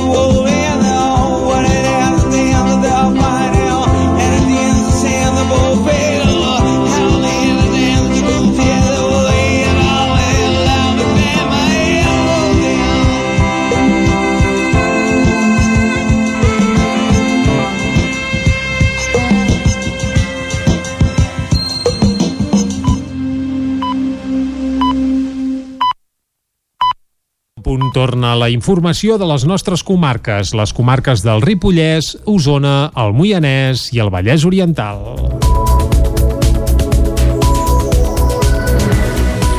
L'atur al Vallès Oriental tanca l'any 2020 amb un augment del 3,8% al desembre respecte al mes anterior. David Auladell, de Ràdio Televisió, Cardedeu.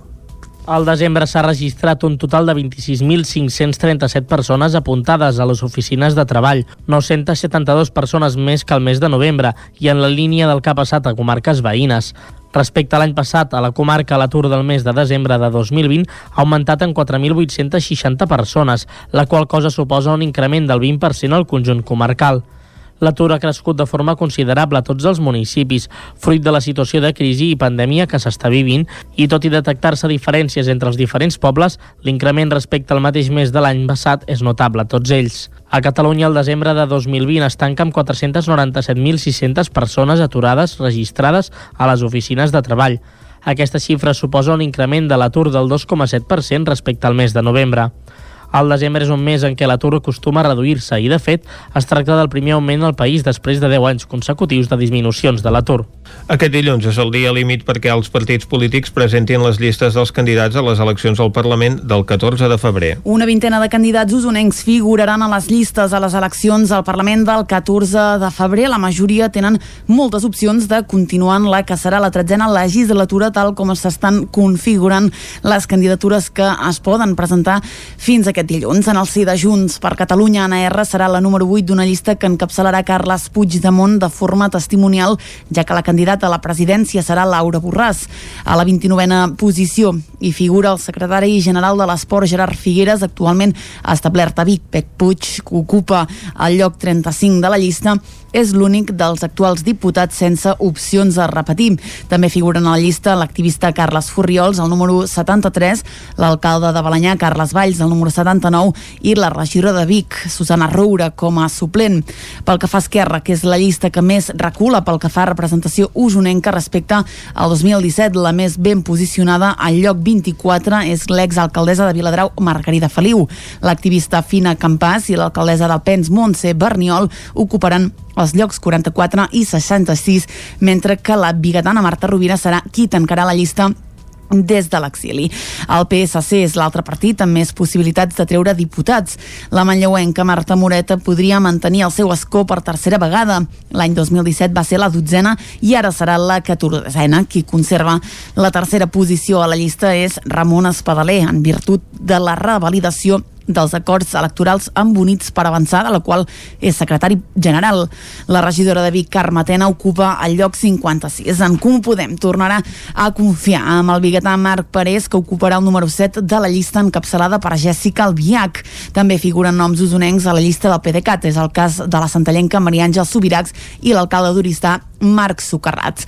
Marta Pascal encapçalarà la llista del Partit Nacionalista de Catalunya, una formació que, com Junts per Catalunya, necessitarà l'aval d'almenys el 0,1% del cens per poder-se presentar. No es coneix encara la llista de la CUP, que per primera vegada encapçalarà l'exalcaldessa de Badalona, Dolors Sabater. L'exregidor de Vic per Tots, Arnau Martí, que es va quedar sense representació a les darreres eleccions municipals, creu que perquè les forces d'esquerres puguin fer el sorpasso a Junts per Catalunya a Vic, cal explorar la possibilitat de fer una candidatura unitària de progrés. Ho argumentava aquest dijous en una entrevista al programa Angle Obert del Nou TV.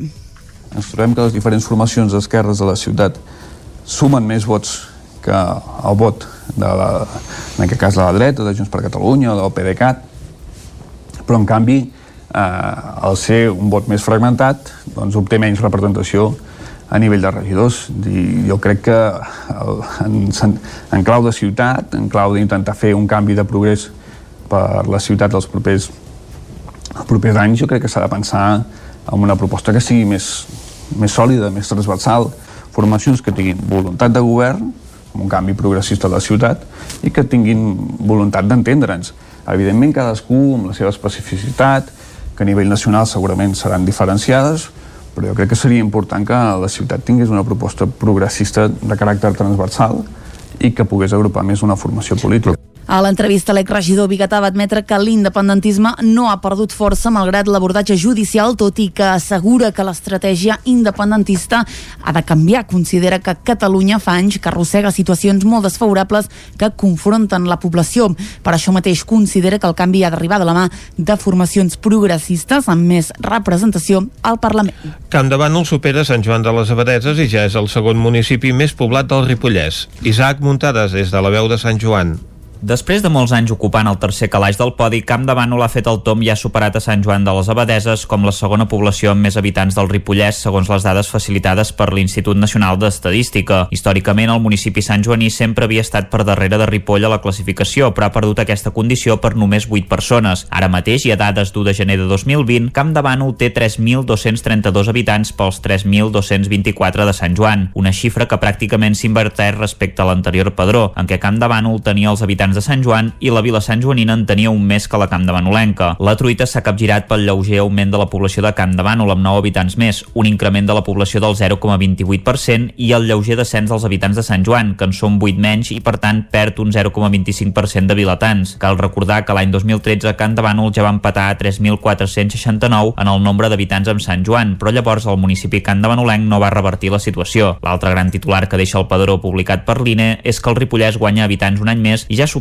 amb escreix la franja dels 25.000 habitants, amb un total de 25.253, que són 166 més respecte al padró de l'1 de gener de 2019. Aquest augment tan significatiu és gràcies sobretot a Ripoll, que guanya 117 habitants i es col·loca amb 10.803 persones, cada cop més a prop de la barrera de les 11.000. Això sí, en percentatge aquesta pujada és de només l'1,08%. Dels 19 municipis del Ripollès n'hi ha 10 que guanyen població, 7 que en perden i Vilallonga de Ter, que es queda amb els que tenia. L'increment percentual més destacat és el de Llanars, amb un 5 5,61%, que traduït a xifres absolutes són 30 habitants més per col·locar-se amb 535. En canvi, la davallada més forta es produeix a Vallfogona de Ripollès, amb una caiguda del 5,10% de la població amb 10 habitants menys, un total de 196. També cal destacar que Campelles segueix sent el poble més petit del Ripollès amb 140 habitants i que tant Camprodon com Ribes de Freser han guanyat habitants amb 17 i 6 més respectivament, col·locant-se amb 2.298 en el cas del municipi Camprodoní i amb 1.760 pel Ribetà.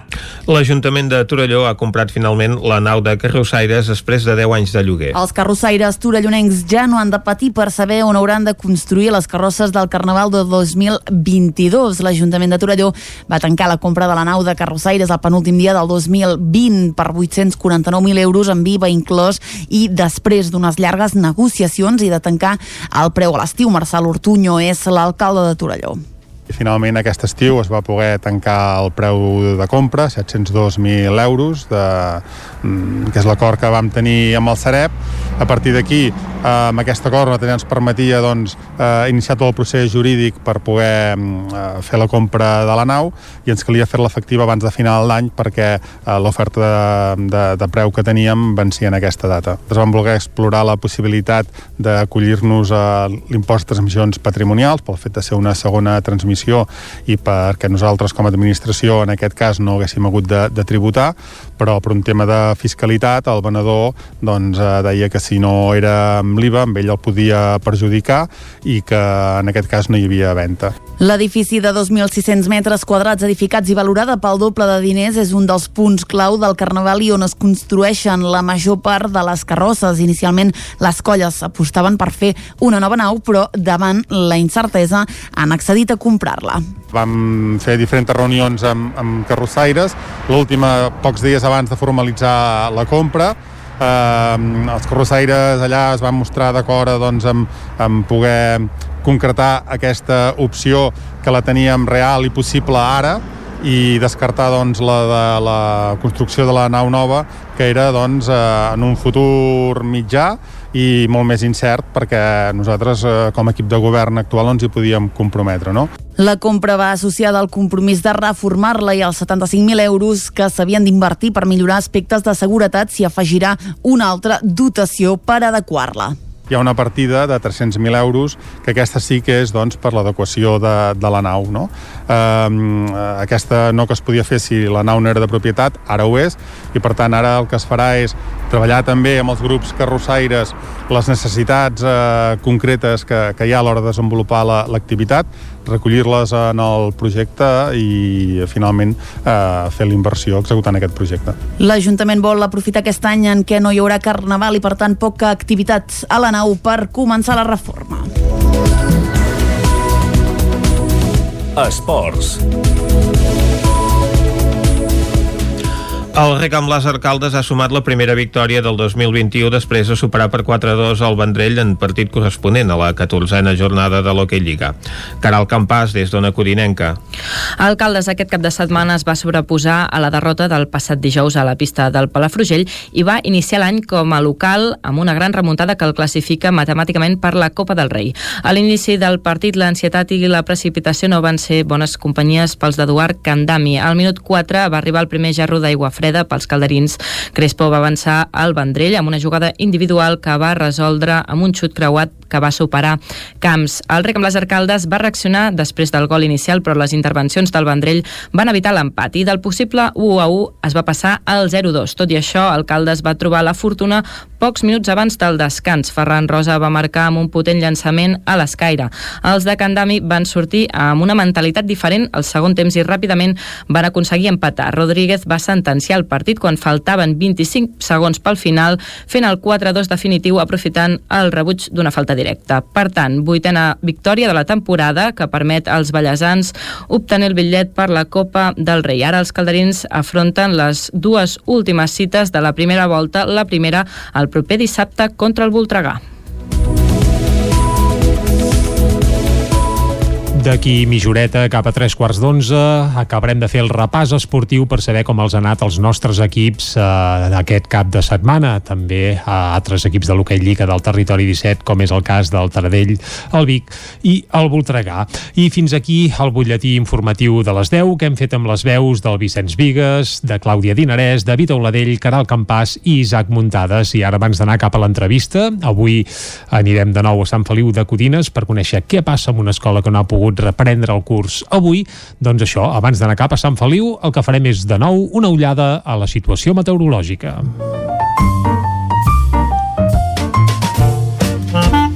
Casa Terradellos us ofereix el temps. I per saber el temps, saludem de nou al Pep Acosta. Bon dia, Pep. Hola, molt bon dia. Benvinguts a l'espai del temps. Entra l'anticicló amb força i s'hi vol quedar bastants dies. Els efectes, atenció a les temperatures mínimes, l'aire fet quedar enclotat, sobretot en zones fondes, i la, sobretot la pressió de la plana de Vic, també la plana del Vallès, les temperatures mínimes dels pròxims nits seran molt baixes. Atenció amb la boira, que ara, avui, de moment encara no, però els pròxims dies, novament a la zona de Vic, serà molt persistent, es pot quedar moltes hores i pot provocar gelades molt importants durant tot el dia, eh? Uh, boira gebradora que serà notícia els pròxims dies. Però eh, anem a pams, anem a pams, anem al dia d'avui, que serà un dia totalment diferent al cap de setmana, hi ha un dia molt tranquil, amb unes temperatures ara mateix molt baixes, 2-3 sota 0 cap a la plana de Vic, eh, lleugerament positives al Vallès, el Pirineu per sota dels 5 sota 0. I doncs això, com deia, serà un dia molt diferent al cap de setmana, farà molt de sol, alguna boira ara mateix ja cap a, com deien, cap a les planes, però avui, avui encara es dissiparà, no serà persistent ni de bon tros. Les temperatures màximes pujaran, arribarem als 8, 9, 10 graus en alguna zona, per tant, eh, un lleuger respir a les temperatures màximes, el sol s'hi estarà relativament bé, eh? entre cometes, no farà el fred del cap de setmana. I això, eh, l'anticicló es consolidarà, els pròxims dies serà bastant, bastant important aquest anticicló, molt fort i ferm, i farà que les temperatures màximes pugin uh -huh. als llocs on no hi hagi boira. Els llocs on hi hagi boira serà un autèntic congelador durant tota la setmana. Moltes gràcies i ens anem escoltant. I tant que Fins sí. aviat, adeu. Vinga, Pep, moltes gràcies. I això, congelats o no, el que farem ara és anar cap a l'entrevista. Vicenç, anirem a Sant Feliu de Codines, oi? Exacte, que allà sembla que fa molt fred en una escola. Clar, quan no tens caldera i a més tenint en compte la situació de Covid, etc que has d'estar ventilant permanentment, etc. Uh, bé, uh, coneixerem la situació de seguida. Ara tanquem aquí la informació meteorològica i de seguida anem cap a Sant Feliu. Casa Tarradellas us ha ofert aquest espai. Territori 17. Territori 17. Envia'ns les teves notes de veu per WhatsApp al 646 079 023. 646 079 023. WhatsApp Territori 17.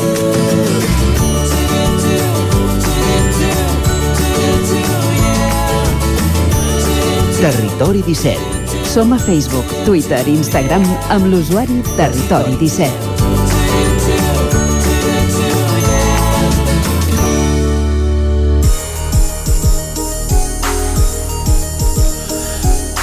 Quan és un quart d'onze del matí anem, com us dèiem, cap a Sant Feliu de Codines perquè allà els alumnes de primària de l'escola Jaume Balmes no han pogut començar el trimestre presencialment aquest dilluns per una avaria greu a la calefacció, que fa que les classes estiguin entre 5 i 8 graus. A conseqüència de les glaçades s'ha trencat alguna canonada del sistema que es troba a sota terra i la calefacció ha deixat de funcionar. És així, no? Caral Campàs, des d'Ona Codinenca. Sí, és així, Vicenç, i per parlar-ne tenim amb nosaltres Mònica Coll, presidenta de l'AFA, Associació de Famílies i Alumnes, al telèfon. Bon dia, Mònica. Hola, bon dia, Caral. I també a Anna Carbonell, integrant de l'AFA. Bon dia, Anna. Bon dia, Caral. Expliqueu-nos quina és la situació i quan us van informar de la problemàtica. Doncs uh, ahir al migdia vam rebre, bueno, l'AFA va rebre una trucada de la direcció i les famílies vam rebre alhora un missatge explicant aquesta situació que ara presentàveu, doncs que el divendres quan la direcció van anar a posar la calefacció en marxa, la direcció i, i la gent de manteniment, eh, van veure que no funcionava. Llavors eh, es veu que l'Ajuntament ja s'hi va posar a treballar, a veure si podien arreglar-ho i en vista que al cap de setmana doncs, no han pogut, doncs ahir al migdia rebem aquest missatge que ens ho ha deixat tots glaçats que els nens no podien tornar a l'escola perquè teníem la calefacció espatllada i la, la temperatura a les aules era molt baixa. Quin número d'alumnes està doncs, condicionat a aquesta situació que s'ha viscut avui? Perquè eh, sembla que l'edifici d'infantil no està afectat per aquest problema. No, són uns 270 alumnes els afectats. Uh -huh. De tots els cursos I- de primària. Sí, sí. L'Ajuntament ens ha confirmat que s'ha contractat una empresa especialitzada que avui estaria treballant per, per resoldre la situació i s'apuntaria dimecres com a data de tornada? Nosaltres hem anat avui a l'escola amb, amb l'Anna i hem vist això, que ja hi havia l'empresa allà amb un tècnic i, i per altra banda també ens han informat que estaven provant de fer altres coses. No, Anna, què ens han explicat Sí, ben bé? sí, bueno, estan... Hi havia una caldera antiga eh, i estan intentant posar-la en marxa. El que passa que aquesta caldera eh, es, mm, fa cinc anys que no la fan servir. Llavors ara estaven amb això. Si aquesta caldera la poden engegar, en principi l'engegaran, que funcioni tot, tot avui, tot demà i dimecres podríem tornar a l'escola. Si s'engega, però estan mirant-ho. Perquè ara mateix teniu els nens a, a casa i s'està duent a terme alguna activitat en línia perquè puguin seguir el curs o quina és la situació acadèmica dels alumnes ara mateix? El que ha passat és que com que l'escola ja estava preparada per un possible confinament, però per la pandèmia, i ja tenien uns kits preparats, doncs ens han fet anar a l'escola a, a buscar aquests kits perquè els, els, els nois i noies puguin treballar des de casa. Eh, no serà tot online, en algun moment faran alguna videotrucada o, o bueno, depèn també, els més petits doncs, tenen més coses per fer ells, els més grans doncs, podran treballar a través del Moodle, que és una plataforma que tenen, que ja van treballar amb ella durant el confinament. I com us heu hagut d'organitzar els pares? Perquè, evidentment, a diferència doncs, eh, quan estaven en ple confinament general, doncs ens imaginem que molts de vosaltres heu d'anar als vostres llocs de feina i heu de deixar els fills a casa. Doncs això és molt variat a cada família. O sigui, hi haurà gent que encara teletreballa i podrà estar amb els nens, gent que els ha de deixar amb algun familiar i l'escola mm, sí que queda oberta per qui no pugui deixar els nens amb ningú, els poden deixar ja, tot i que no faran classe habitual. El- Els, els que hi hagin, que avui no sé eh, quants, quants se n'han quedat, els que hi hagin els volen ajuntar en algun espai que pugui estar ventilat però alhora el puguin escalfar i es poden quedar a dinar allà i tot. No sé si heu rebut a famílies que que es queixessin directament i posant-se en contacte amb vosaltres a través de les xarxes. Hem pogut veure alguns missatges de queixa, com per exemple el de la Maria Tur, que diu resulta que els nens de primària de Sant Feliu de Codines no poden començar les classes avui perquè les gelades han espatllat la caldera. Comencem bé l'any. Haurem d'esperar saber què ha passat exactament i qui és el responsable perquè tots sabíem que baix, venien baixes temperatures. No sé si heu rebut moltes queixes per part de mm, pa, famílies de l'escola.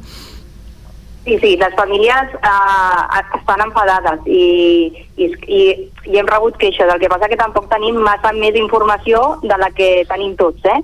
No sé que hem demanat si podem parlar amb, amb el regidor responsable perquè ens informi també més directament i des de l'escola tampoc tenen més informació. Perquè vosaltres no heu parlat directament amb l'Ajuntament de quina és la situació ara mateix? Nosaltres en tot moment ens ha informat la direcció de l'escola i de fet això de la caldera ho vam sentir ahir perquè Ona Codinenca va contactar amb el regidor i ho vam sentir a través de la ràdio. Nosaltres no ho sabíem que anaven a provar una caldera avui, la caldera aquesta antiga que explicàvem. I, I el regidor directament amb l'associació de pares no, no ha contactat amb nosaltres. Perquè dieu que aquesta avaria doncs, es va detectar divendres quan hi van eh, anar personal al centre per posar-ho tot a punt per iniciar les classes avui, però de tota manera fins ahir a la tarda no us en veu assabentar no, de que hi havia aquest eh, problema que ha passat durant aquest temps que, que és el que s'ha fet o s'ha deixat de fer que no haguéssiu rebut la comunicació fins a última hora. Doncs no ho sabem. Imaginem, vull imaginar que hi han estat treballant al cap de setmana amb la intenció d'arreglar-ho Mhm. i que finalment han vist que, que no han pogut, però, però ho imagino, perquè tampoc ningú m'ho ha explicat directament, no ho sé. Uh, també us volíem preguntar, recentment l'escola ha renovat 30 finestres perquè una auditoria va determinar que l'edifici tenia un desequilibri energètic. Um, això relacionat amb el tema de la caldera, no sé si podríem dir que és un edifici antic, um, que té altres mancances a part d'aquesta, no sé si teniu més informació. És un edifici molt antic i el de les finestres portava molt de temps al darrere i finalment és l'Ajuntament qui, qui, ha, qui ha fet aquesta inversió que sembla ser que li tocaria al departament, però han fet com aquest avançament i han començat per les finestres de la zona que fa més fred de l'escola. Uh, el tema de la calefacció també. Portem molts anys uh, amb, amb que es va fer una caldera nova que està a l'edifici d'infantil, que són edificis separats, que, que, que van pèl·lets i que teòricament havia d'alimentar la calefacció de primària, però a la pràctica no ha funcionat així i, i funcionen, amb, si no m'equivoco, amb una caldera que hi ha al pavelló, que està al costat de l'escola. Sí.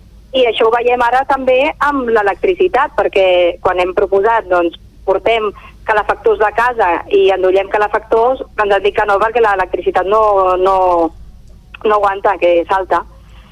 Llavors, sí, l'escola és una escola que, que, que està antiga, que té molts anys. Per tant, aquesta caldera nova de pèl·lets que s'utilitza per l'edifici dels nens eh, més menuts no ha donat prou capacitat per alimentar també la resta del centre. Doncs sí, jo exactament no sé com funciona una calefacció, no us puc explicar massa, però algo així ha passat, sí. Són dos edificis que queden bastant separats. Sí, era o sigui, de la distància, com estan a molta suficient- distància. Uh -huh. Mhm. Sí, sí, això, això. Sí, Anna, és que no sé si ho explico bé. No, no, sí, sí, és això, Mònica. Com, el, com hi ha tot un carrer entremig, bueno, i a distància no, no arribava la calefacció, no escalfava res de primària. Uh -huh. Per tant, aquest sistema que es va idear no va acabar funcionant en la mesura que estava previst. No, i abans cada any ha sigut, perquè avui parlant amb, una, amb, amb diferents professores deia, no us en recordeu l'any passat, també hi havia èpoques que es quedaven, doncs pues mira, tota una setmana avui no tenim calefacció, sempre aquest problema es va arrossegant des de fa molt temps. Uh -huh. Per tant, les avaries... Ja ens en recordem d'any amb any, saps? Però... Uh -huh. Les avaries doncs, són, són recurrents i aquest problema de climatització del centre, que no només afecta el sistema de calefacció, sinó que també comentàvem doncs, els tancaments i aïllaments, doncs sembla que hi ha molta problemàtica en aquest sentit.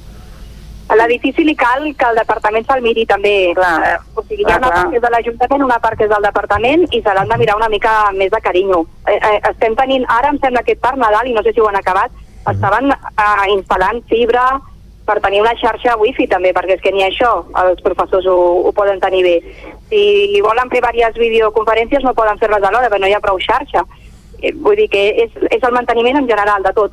Uh -huh. I per tant, durant el tancament de Nadal i tenint en compte aquestes baixes temperatures que hi ha hagut aquests primers dies de l'any, pel que sembla, doncs ningú ha tingut present que allà es pogués eh, generar algun tipus de problema i no ha estat fins a última hora que s'ha detectat que això era així. Exacte. Us han donat terminis per, per reparar aquesta avaria perquè es parla de, de dimecres però, però bé, en qualsevol cas eh, a les temperatures que ara mateix està al centre i amb les previsions meteorològiques que ja ens anunciava en Pep Acosta pels propers dies que sembla que les temperatures baixes continuaran evidentment escalfar eh, aquest recinte doncs eh, d'un moment a l'altre això no, no es pot dur terme, és qüestió de dies, no? Sí, uh, uh, ens han dit de tornar el dimecres, suposant que tot, tot, tot vagi bé. Si tot, tot, tot no va bé, és a dir, que aquesta caldera que estan intentant engegar no funcionés i l'avaria, doncs, dubto que estigui arreglada el dimecres, no sabem què passarà. -huh. Llavors la direcció diu que parlarà amb l'Ajuntament i buscarà altres solucions, però no, no, no sabem quines. Uh -huh. perquè buscar algun lloc alternatiu per poder dur a terme, si més no, algunes de les classes seria possible? No sé si això us heu plantejat. el- aquí a, a Sant Feliu no hi ha molts espais per, uh -huh. per fer cabir 270 nens i amb les mesures mm, anti-Covid no? que, uh -huh. que, que es necessiten. Llavors, uh -huh. a nivell d'espais molt no hi ha, o sigui que no sé quina seria la solució. Uh -huh. Nosaltres proposàvem això de, de llogar doncs, calefactors que van amb gas, que vam sentir per la ràdio que, que ja ho havien pensat l'Ajuntament, però crec que, que, que hi dona la sensació que aquesta caldera funcionarà i, i que no cal. Uh -huh. Bueno, ho anirem veient dia a dia. Suposo que al llarg del dia d'avui sabrem alguna més, Ah, o demà exacte. molt. Ho anirem veient i ho anirem seguint eh, des d'aquí quina és la situació d'aquesta escola i si es pot resoldre amb celeritat aquesta avaria. Moltes gràcies, mm, Anna Carbonell, moltes gràcies, Mònica, per acompanyar-nos. Eh, Gràcies a vosaltres. eh, som membres de l'Associació de Famílies d'aquesta escola Jaume Balbes a Sant Feliu de Codines que avui no ha pogut iniciar les classes per problemes amb la calefacció. Ara fem una pausa i tornem tot seguit. El nou FM, la ràdio de casa, al 92.8. Només pensar en passar aquesta nit sense calefacció amb aquest fred... No es preocupi, hem analitzat a fons la caldera i de seguida quedarà reparada i en funcionament. Quan tingui un problema amb la seva caldera, vagi directament a la solució. Truqui sempre al servei tècnic oficial de Saunier Duval i despreocupis, perquè som fabricants i coneixem les nostres calderes peça a peça. Informis a Oficiat Nord trucant al 938860040. Saunier Duval, sempre al seu costat. Anuncia't al 9FM. La màquina de casa. 9 3 8 8 9 4 9 4 9. Publicitat arroba al 9FM.cat. Anuncia't al 9FM. La publicitat més eficaç. Hi ha una màgia que no té truc. És la màgia de compartir una estona amb algú i parlar-hi. Vols practicar català? Vols ajudar algú a parlar-lo? Apunta't al voluntariat per la llengua. El programa de les parelles lingüístiques a vxl.cat. Perquè quan parles, fas màgia. Generalitat de Catalunya. 100 milions i mig de futurs. Cocodril Club. Si t'agrada la bona música dels anys 60, 70 i 80, escolta el 9 FM als matins de dissabtes i diumenges d'11 a 1.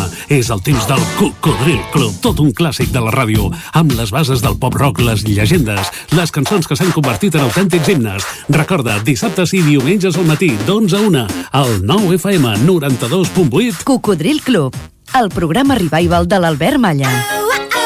Hasta luego, cocodrilo. Cobertes serveis funeraris.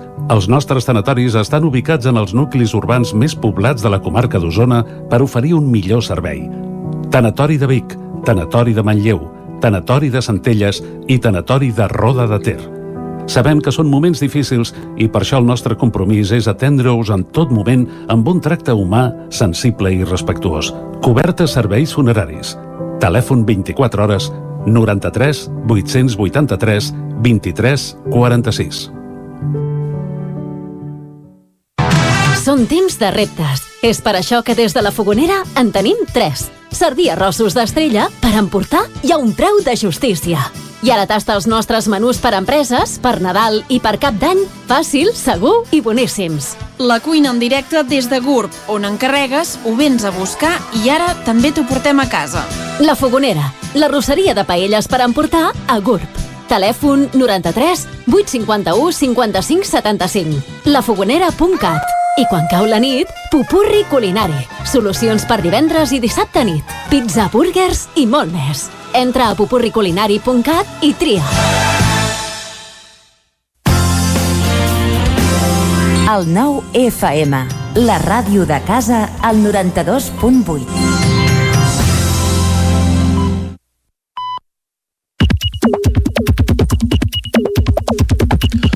Són dos quarts onze, és hora de que l'Isaac Moreno ens posi al dia del que s'està dient a Twitter. Ens imaginem que en Twitter també avui doncs, ha aparegut ben blanc. Bé, dissabte ja va aparèixer ben Sí, blanc no? o, o igualit, depèn com tu miris. Depèn sí. de la zona. Àlex Roca, des de Manlleu, usuari del tentacle, piulava. A Manlleu neva de la mateixa manera que dimiteix l'alcalde. Sembla que sí, sembla que sí, però al final res. Queda dit. Carla Dinarès, des de Capgirem Vic. Ara que venen eleccions, estaria molt bé que els partits expliquessin les seves polítiques territorials. Molt del que patim a comarques es decideix des de la Generalitat i se'n parla massa poc, per no dir gens. Francesc Mateu també feia poesia amb la neu i la neu ha arribat tal com havien dit el dia es lleva blanc i tapat i fa molt fred, abrigueu-vos i calceu-vos bé si, surt, si sortiu al carrer dintre del vostre municipi només, eh? Això deia dissabte i no, no precisament li van fer cas del tot. No, i tampoc li va fer gaire cas la neu perquè al cap d'una estona es convertia en aigua neu i va anar marxant mica en mica. Xavi Font, repeteixo tuit, Apocalipsi neu. També des de Vic, la Laura Vigues. L'aigua neu que cau a Vic sembla la d'ui, suspesa. Sí, però no, una mica en la línia de, del tuit de, del tentacle. Home, més de 8 segons va durar la nevada, això sí. On va haver-hi mm, estira i arronses és, eh, per exemple, ex, el, accessos al medi natural eh, una mica enfilats on sí que hi havia neu i que la gent volia pujar-hi amb cotxe tant sí com sí. per, per exemple, eh, eh, a Bellmunt o, o, o no només, també a la zona de, de Tavernes. Grisel de Castells, el salt de la Minyona, carai, que no em sortia ara. Uh -huh. Que tothom li agrada veure i trepitjar neu ho puc entendre, però el que no entenc és que tinguem invasió de cotxes a Bellmunt sabent que hi ha confinament municipal i que precisament no és un bon lloc per anar amb cotxe en dies com avui. Autoresponsabilitat. Hi havia més comentaris i la cosa ha anat evolucionant al cap de setmana el diumenge hi havia un, una segona feia una segona pilada explicant que hi havia gent que s'havia saltat la tanca que havien posat perquè no hi pugessin cotxes i encara els hi deia el nom del porc en fi uh, déu nhi aquí a tot arreu sí. on ha nevat una mica doncs la gent aprofitava per enfilar-se i poder jugar amb la neu. La Montse que responia i ara correu i tots ajudar-los quan no puguin sortir. Espero que si queden encallats els hi deixeu fins que hagi marxat la neu, a excepció dels responsables del restaurant. Ningú necessita anar a Bellmunt. Pere Medina, el brull regulat, l'accés a Collformic. Poc ens passa. L'endemà també hi explicàvem que, que hi havia hagut cotxes aparcats als vorals i no podien passar les llevaneus. Uh, Jordi Vilarrodà, fa tres dies com a mínim que estan avisant que la nevada de la nevada i per aquí tot de gent que s'ha trobat amb un contratemps queixant-se de la falta de previsió d'ajuntaments o de govern. Perdoneu, però no tenim responsabilitat individual o és que el fred ens posa el cervell en hibernació? Però és que a més a més no podíem sortir de casa. Correcte. Del municipi, de casa encara sí. Exacte. Josep Lluís Garcia, he activat l'hiverncat a casa. Pobre canalla. Gerard López, Reis, uh, Reis, cap nen sense joguina, Filomena, cap floc sense fotografia, etiqueta neu. Pepa Costa, que no parlava de neu. És impressionant aquest tuit, també, eh? Diu, bon dia, he tingut un dels somnis eròtics més ben parits dels últims anys. Molt intens, morbós, i amb una dona que conec. Quina passada.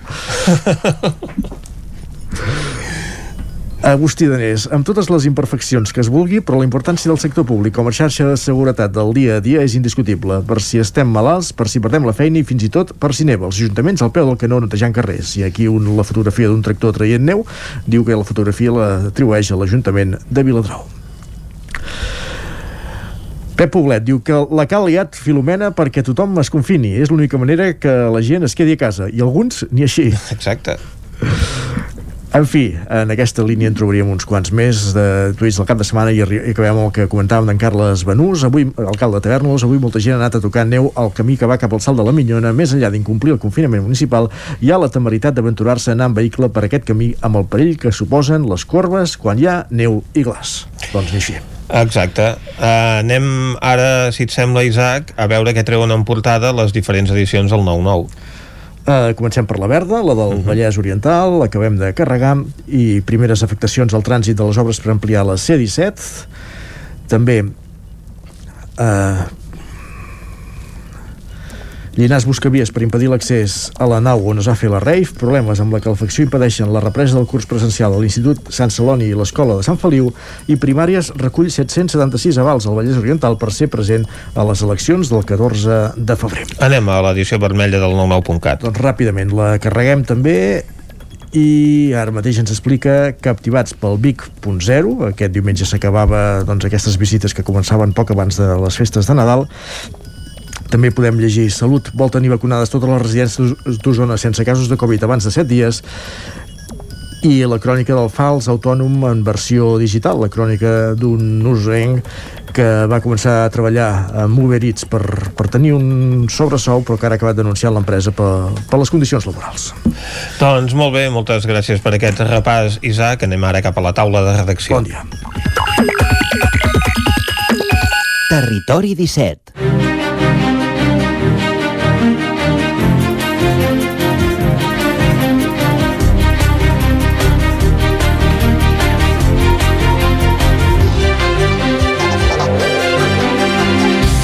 I avui a la taula de redacció tindrem en Guillem Rico i la Txell Vilamala.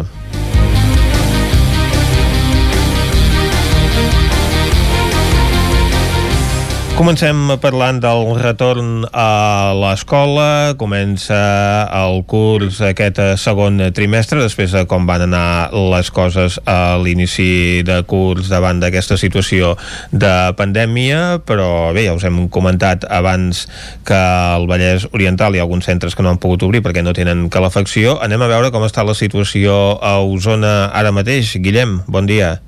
Hola, bon dia. Doncs sí, eh, torno a començar el, el debat amb aquesta tercera onada, eh, aquesta soca nova també, doncs, igual que va passar eh, a l'estiu, abans de començar el curs al setembre, doncs, hi ha qui ho veu més clar i aquí no ho veu tan clar. Eh, el curs ha començat a Osona, al Ripollet i, i, i al a tot arreu, eh, de fet, eh, tret dels llocs on per la nevada doncs, no han pogut anar a classe.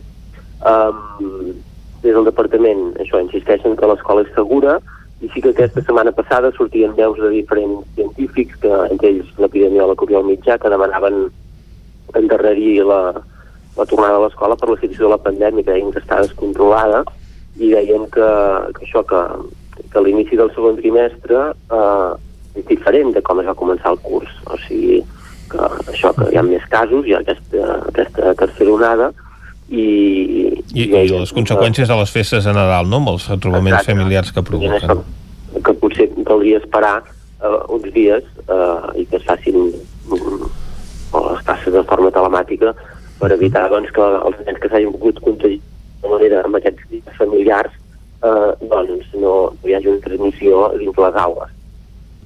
En aquesta mateixa línia també parlaven des, de, des del sindicat Uzbek Estès, l'Arcadi Figueres, que és el representant a Osona, i això que uh -huh. si, si s'apliquen un determinades mesures en altres àmbits per evitar el risc, perquè no també a l'escola?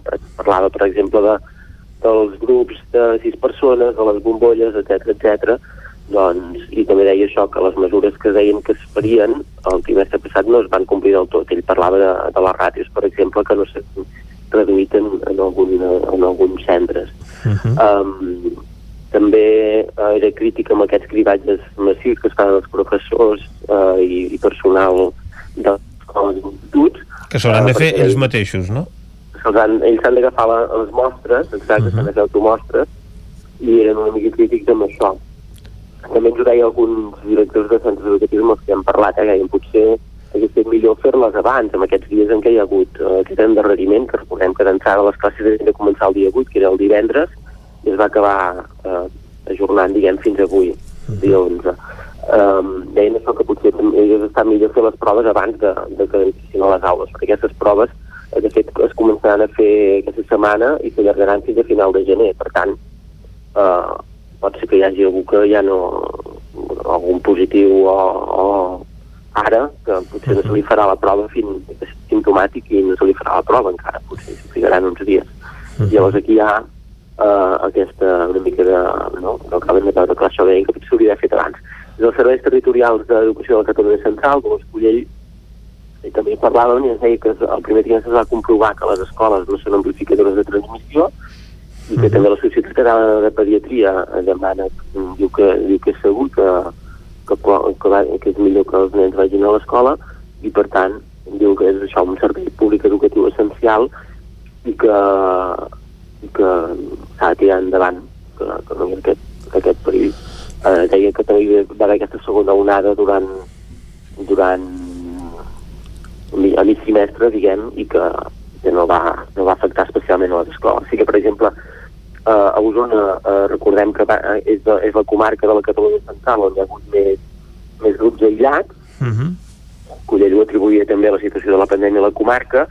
El Ripollès, per exemple, van ser menys sobretot a l'inici de curs sí que n'hi va haver algun més més avançat al trimestre però tampoc ha estat un, com a tota Catalunya un, un gran percentatge de, de centres eh, amb molts grups confinats recordem aquell episodi de Roda en què hi van haver pràcticament tots els grups menys un durant algun dia a l'institut eh, els van haver d'aïllar a part d'això uh mhm. -huh. per exemple parlant amb AMPAs les AMPAs també deuen clar tornar al, al centre perquè deien precisament això no? que que durant el primer trimestre va anar bé i que, a part, entenc que també hi ha una part de, de logística familiar que ells també han de tenir en compte. Clar. Però parlàvem d'això i parlàvem també amb altres centres, que, direccions de centres que, que també se, eh, eren bastant en aquesta línia. El que eren més crítics a, a les direccions dels centres era això de, de les auto autogestionar-se les proves, diguem, de, per fer aquest cribatge uh -huh. amb, de cara a les properes setmanes. I deien que això, que en tot cas, que,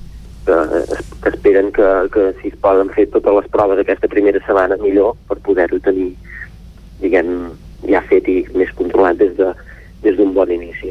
Exacte, a l'espera doncs, que arribi el torn de vacunar els professors, que també estan Exacte. en llista d'espera.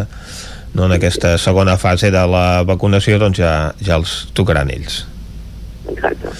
Per tant, avui tornen les escoles, però no tornaran els extraescolars que es facin en grups que no siguin dins bombolla d'una mateixa, mateixa classe. Doncs moltes gràcies, eh, Guillem, per posar-nos al dia de quina és la situació als centres d'ensenyament en aquesta tornada a l'escola. Anem ara a parlar d'una altra onada, la onada de fred i la nevada d'aquest cap de setmana amb la Txell Vilamala. Bon dia, Txell. Bon dia, Vicenç.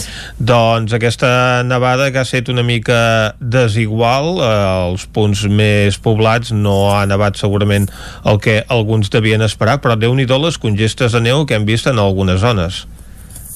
Sí, exacte, és ben bé el que dius, contrasta la decepció que ha tingut molta gent, ben bé la que viu sobretot a la plana de Vic, Vic, Manlleu, Tona també, no? Tots els, els barals més baixos de la comarca, els Vila que estan a cotes més baixes. En Jordi Sunyer, en Jordi Sunyer, com que viu a Vilaseca i no a Navà, doncs es queixa de que Oh. no ha caigut prou neu a casa seva. Molt bé, exacte. Clar, Durant, però això durant tot el programa està així, Txell. Can Toni. Això que no ha caigut prou neu és això que deia més molt relatiu, perquè si vas a Vidrà, a Siuret, o els expliques als de l'Esquirol i Cantoni, ells et diran que massa que n'ha caigut, que prou els problemes els hi ha donat. Per tant, tant. com bé deies, Vicenç, ha sigut una nevada molt desigual, uh, a la plana ha sigut just una enfarinada, el, de fet el dissabte sí que ens vam llevar amb el paisatge blanc, però al cap d'una estona entre la pluja i l'aigua neu ja era més fang que neu, i mentrestant uh, això, el Vidranès, també la zona del Coll Cabra i a les Guilleries, déu nhi els gruixos que s'han acabat acumulant. Destaca sobretot Siuret amb 50 centímetres de neu però bueno, també en tenim 35 a Rupit uns 40 a Cantoni Gros eh, entre 20, uns 20 a Viladrau una mica més cap a Espinelves i amb la particularitat això que a banda de caure neu ha fet molt de vent i això vol dir que s'han acabat formant aquestes congestes que bàsicament vol dir que uh, la neu que estava solta s'ha acabat acumulant, grans acumulacions de neu que en alguns punts poden haver doblat fins i tot a, a aquests gruixos. Veiem per exemple alguna imatge de Bellmunt en què costava obrir la porta i hi havia moltíssima neu, no perquè tot hagués caigut sinó perquè el vent l'havia acabat amuntegant en, en algunes zones concretes. Que la situació hagi sigut tan diferent fa que s'hagi viscut també de, des d'òptiques molt contraposades amb desil·lusió, com dèiem a la plana amb molts mal de caps a les cotes més altes. I també eh, s'han trobat per exemple el Brull, a Muntanyola també al, al Coll Sacabra que han hagut de fer front a l'afluència de gent que ha pujat fins a aquests indrets. També va passar a Bellmunt per trepitjar la neu, com que no n'havia caigut a les zones més poblades, doncs hi va haver un tragí de cotxes cap a d'altres eh, amb tot el que això comporta de cotxes que van acabar encallats a la carretera perquè no portaven cadenes que es van veure sorpresos per una nevada eh, més important de la que s'imaginaven. Això eh, va molestar força al Coll de Cabra el dissabte a la tarda va ser especialment complicat allà dalt eh, perquè hi havia molts cotxes a la carretera. També va coincidir que els equips que estan vacunant les residències havien d'arribar fins a Can Toni Gros. Uh -huh. uh, va ser complicat però se'n van acabar sortint. I ahir, ahir diumenge al matí uh, el malestar diguem que es va traslladar cap al Brull i Coll Formic perquè havien de passar les màquines llevaneu a la carretera però com que hi havia tants cotxes aparcats eh, tant als vorals com també a l'aparcament doncs era impossible que passessin aquests serveis essencials. Això va fer que l'Ajuntament del Brull acabés avisant els Mossos d'Esquadra i aquesta mateixa situació s'havia donat també el dissabte al matí a Bellmunt. L'Ajuntament de Sant Pere va haver de tallar els accessos cap a dalt del santuari perquè també van detectar que hi estaven pujant eh, molts vehicles això fa, com dèiem, que haguem viscut gairebé un cap de setmana diferent segons el punt on vivim de la comarca d'Osona. En principi aquesta setmana ha de ser molt més tranquil·la. I parlàvem amb en Manel Dot de, de Meteo Osona i ens comentava que ens arriba un anticicló. El demà, dimarts, pot ser que sigui el dia més fred, al matí també ens llevarem amb boira gebradora i hi haurà fet fred a les fondalades, però durant el dia sobretot el dimecres, el dijous i el divendres eh, la temperatura pujarà força i és probable que el termòmetre superi els 10 graus que tampoc és cap bestiesa, però bé, venint del que venim, doncs Exacte. algun canvi es deurà notar. Uh -huh. Doncs demà en parlarem... Veurem amb- aviam si l'encerten, eh? A veure, Aquesta amb- vegada les prediccions, diguem que han encertat i errat a la vegada perquè ha sigut molt, molt diferent. Llavors, en, en tot cas ha nevat, que és el que es pronosticava, però evidentment, com passa sempre amb les precipitacions, no es pot ajustar al punt i amb exactitud el que caurà a cada lloc.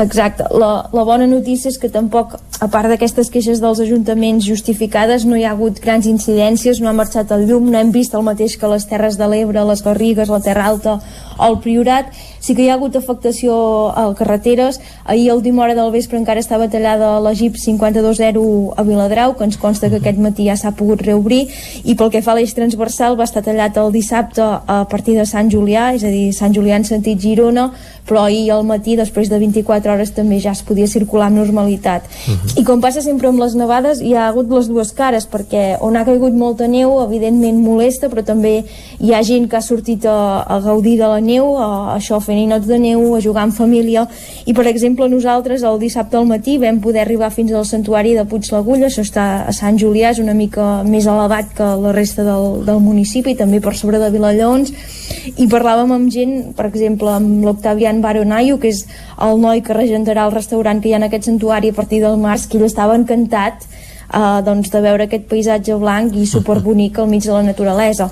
També vam veure gent que, per exemple, hi pujava en bicicleta de muntanya no sé, Vicenç, tu si, si pedalaries uh, jo he vist algú que ho feia i la veritat és que m'ha sorprès molt anar en bicicleta amb el carrer i les carreteres completament nevades però bé, si hi ha costos per tot això sí, a qui li agraden les dues rodes entre motos, quads i bicicletes aquest cap de setmana mm -hmm. també també ha estat distret. Veurem aviam si arriba alguna altra nevada aquest hivern. De moment, en principi, bon temps Exacte, demà en parlarem amb en Manel Dot de quina és la previsió pels propers dies i de com eh, doncs, s'ha doncs, plantejat aquest inici d'any, un inici d'any molt i molt fred i que ha culminat amb aquesta nevada del cap de setmana. Moltes gràcies, Txell. Gràcies, Vicenç. Bon dia. Bon dia. Tanquem aquí la taula de redacció. Territori 17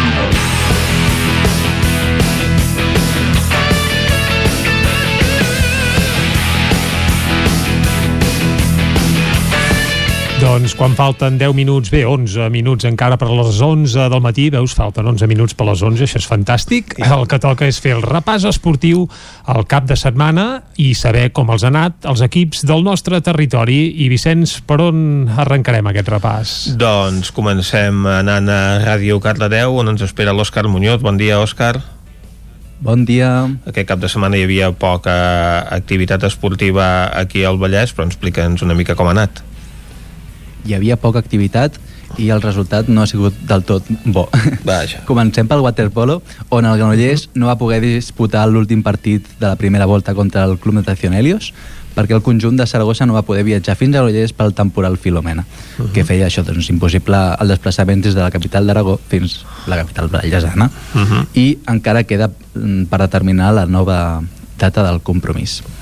I el bàsquet, al final es va poder disputar el partit de, del Granollers contra el quart, un dels històrics del club C, del grup C4 de la Lliga EVA, uh -huh. i van perdre per un ajustat 65 a 61, uh -huh. 22 pilotes perdudes i 4 rebots ofensius eh, va ser la clau de la derrota i el Granollers eh, el Granollers ah, i el quart va ser l'únic partit que es va disputar en aquesta fase regular els altres dos eh, es van ajornar o sigui, van tenir sort el poder disputar aquest partit. I els vallesans ara mateix exacte, ocupen el penúltim lloc amb una victòria i tres derrotes. Uh -huh. Molt bé, doncs gràcies Òscar, esperem que en les properes setmanes es vagi reactivant l'activitat esportiva anem ara de nou a una corinenca on ens espera la Caral Campàs, bon dia Caral Hola, bon dia Quina és l'actualitat esportiva d'aquest cap de setmana? Ja sabem que el Caldes ha guanyat Uh -huh. Doncs exacte, tal com us deia a l'informatiu, Alcaldes ha sumat la primera victòria de l'any, van sent per 4-2 al Vendrell, una primera part complicada i remuntant un, un 0-2. Per tant, aquest primer partit guanyat de l'any i vuitena victòria de la temporada que permet als d'Eduard Candami tenir un bitllet segur per la, la Copa del Rei. Els calderins els queden ara dos partits per acabar aquesta primera volta. I seguint fent aquest repàs dels equips d'hoquei de la part alta del Vallès Oriental, comentar-vos que el Sant Feliu, que el tenim a l'hoquei Lliga Plata Sur, tornava a la competició, ara després de les festes, amb un rival molt complicat, l'Alcoi, ara líder imbatut de la categoria, bé, perdent. Eh, els codinencs van sortir decidits i es van posar al davant amb un gol, però els visitants van capgirar el marcador abans del descans. Al minut, a 8 minuts pel final, l'Alcoi feia el 2-3 i el Sant Feliu va disposar de bones ocasions per endur-se almenys l'empat, però els alacantins van sentenciar amb un 2-4 final. I acabo aquest repàs esportiu parlant sobre l'equip femení de Vigues i Riells, que és tercer classificat i ha reprès eh, l'Hockey Lliga aquest dissabte amb la visita del segon al Voltregà Uh, un partit que, tal com preveiem, divendres uh, el Vigas no, no va poder donar sorpresa davant aquest Voltregà i va tornar a caure, com deia, contra aquest segon classificat a la competició amb un partit que, que es va acabar per un 6 a 3. Les de Peralta van colpejar primer a pocs minuts pel descans amb un gol d'Igualada, però va durar poc aquesta alegria perquè les usonenques van fer l'empat abans del descans. A la represa el Voltregà va deixar el partit ben encarrilat amb un 4 a 1 i Borràs i Reyes van aprovar apropar perdó, el Vigas fent el 4-3 però el Voltregà va sentenciar als minuts finals tancant un marcador amb un 6-3 molt bé, doncs eh, gràcies Caralt per a aquesta vosaltres. informació. Anem a la veu de Sant Joan amb l'Isaac Muntades. Bon dia, Isaac. Bon dia, Vicenç. Bon dia. Al Ripollès heu fet competicions d'esquí o no aquest cap de setmana? No, aquest cap de setmana no hem fet competicions d'esquí, però realment, clar, ha nevat i per tant, doncs, uh, sí que les pistes d'esquí estan molt bé. El problema I és tant. que, clar, eh, estem amb el de sempre, no? Només hi poden anar els a Set Cases i, i els a Caralps. Correcte, i això que, bé, bé per parlar-ne un moment si voleu, eh, per exemple, a Vallter 2000 tenim eh, 98 centímetres de, de neu en, en alguns llocs, eh? vull dir, quasi un metre eh, de neu, que això és molt, eh? eh i, i neus, neu pols, a més a més, que és de, de la bona per esquiar, tenim la meitat quasi bé de les pistes obertes, el 40% dels quilòmetres esquiables, funcionen només eh, dos dels 10 remuntadors, però, però bé, és una és un bon moment per anar a esquiar si sou de Carals i Set Cases i, i igual que doncs, a, a Vall de Núria que tenim 90 centímetres de neu en alguns llocs, de neu pols dura hi ha quatre pistes obertes també, el 38% dels quilòmetres esquiables i, i bé, el, el que sí que us he de dir és que les temperatures són una mica més baixes, eh? són de sota zero eh? a tots dos llocs, entre 5 i 3 graus per tant sí que bé mm, fa, fa fred són, són baixes sí. però més altes que fa uns dies Exacte, més altes que fa uns dies, que, que ja és molt.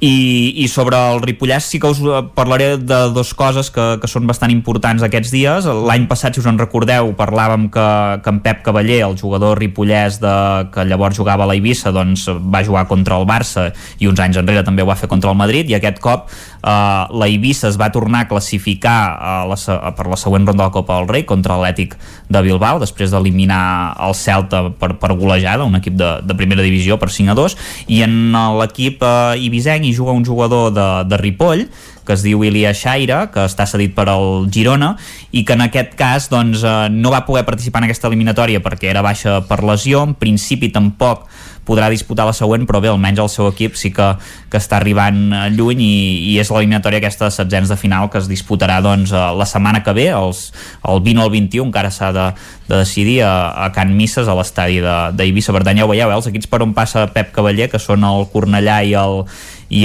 l'Ibissa eh, van, van bé, els dos han passat ronda contra equips complicats Uh, qui no va passar ronda és el jugador uh, Lluís Espar, amb el mollonenc Lluís Espar, uh, que sí que va quedar eliminat amb l'Olot davant Osasuna. En aquest cas, l'equip de primera divisió va fer valer doncs, el seu potencial i va guanyar per 0-3, per tant, no, no va tenir opcions. Ell no va jugar, uh, estava lesionat també, ja, ja, és, ja és mala sort perquè no, no han pogut disputar cap minut, però bé, sí que s'ha de dir i, i és important, no?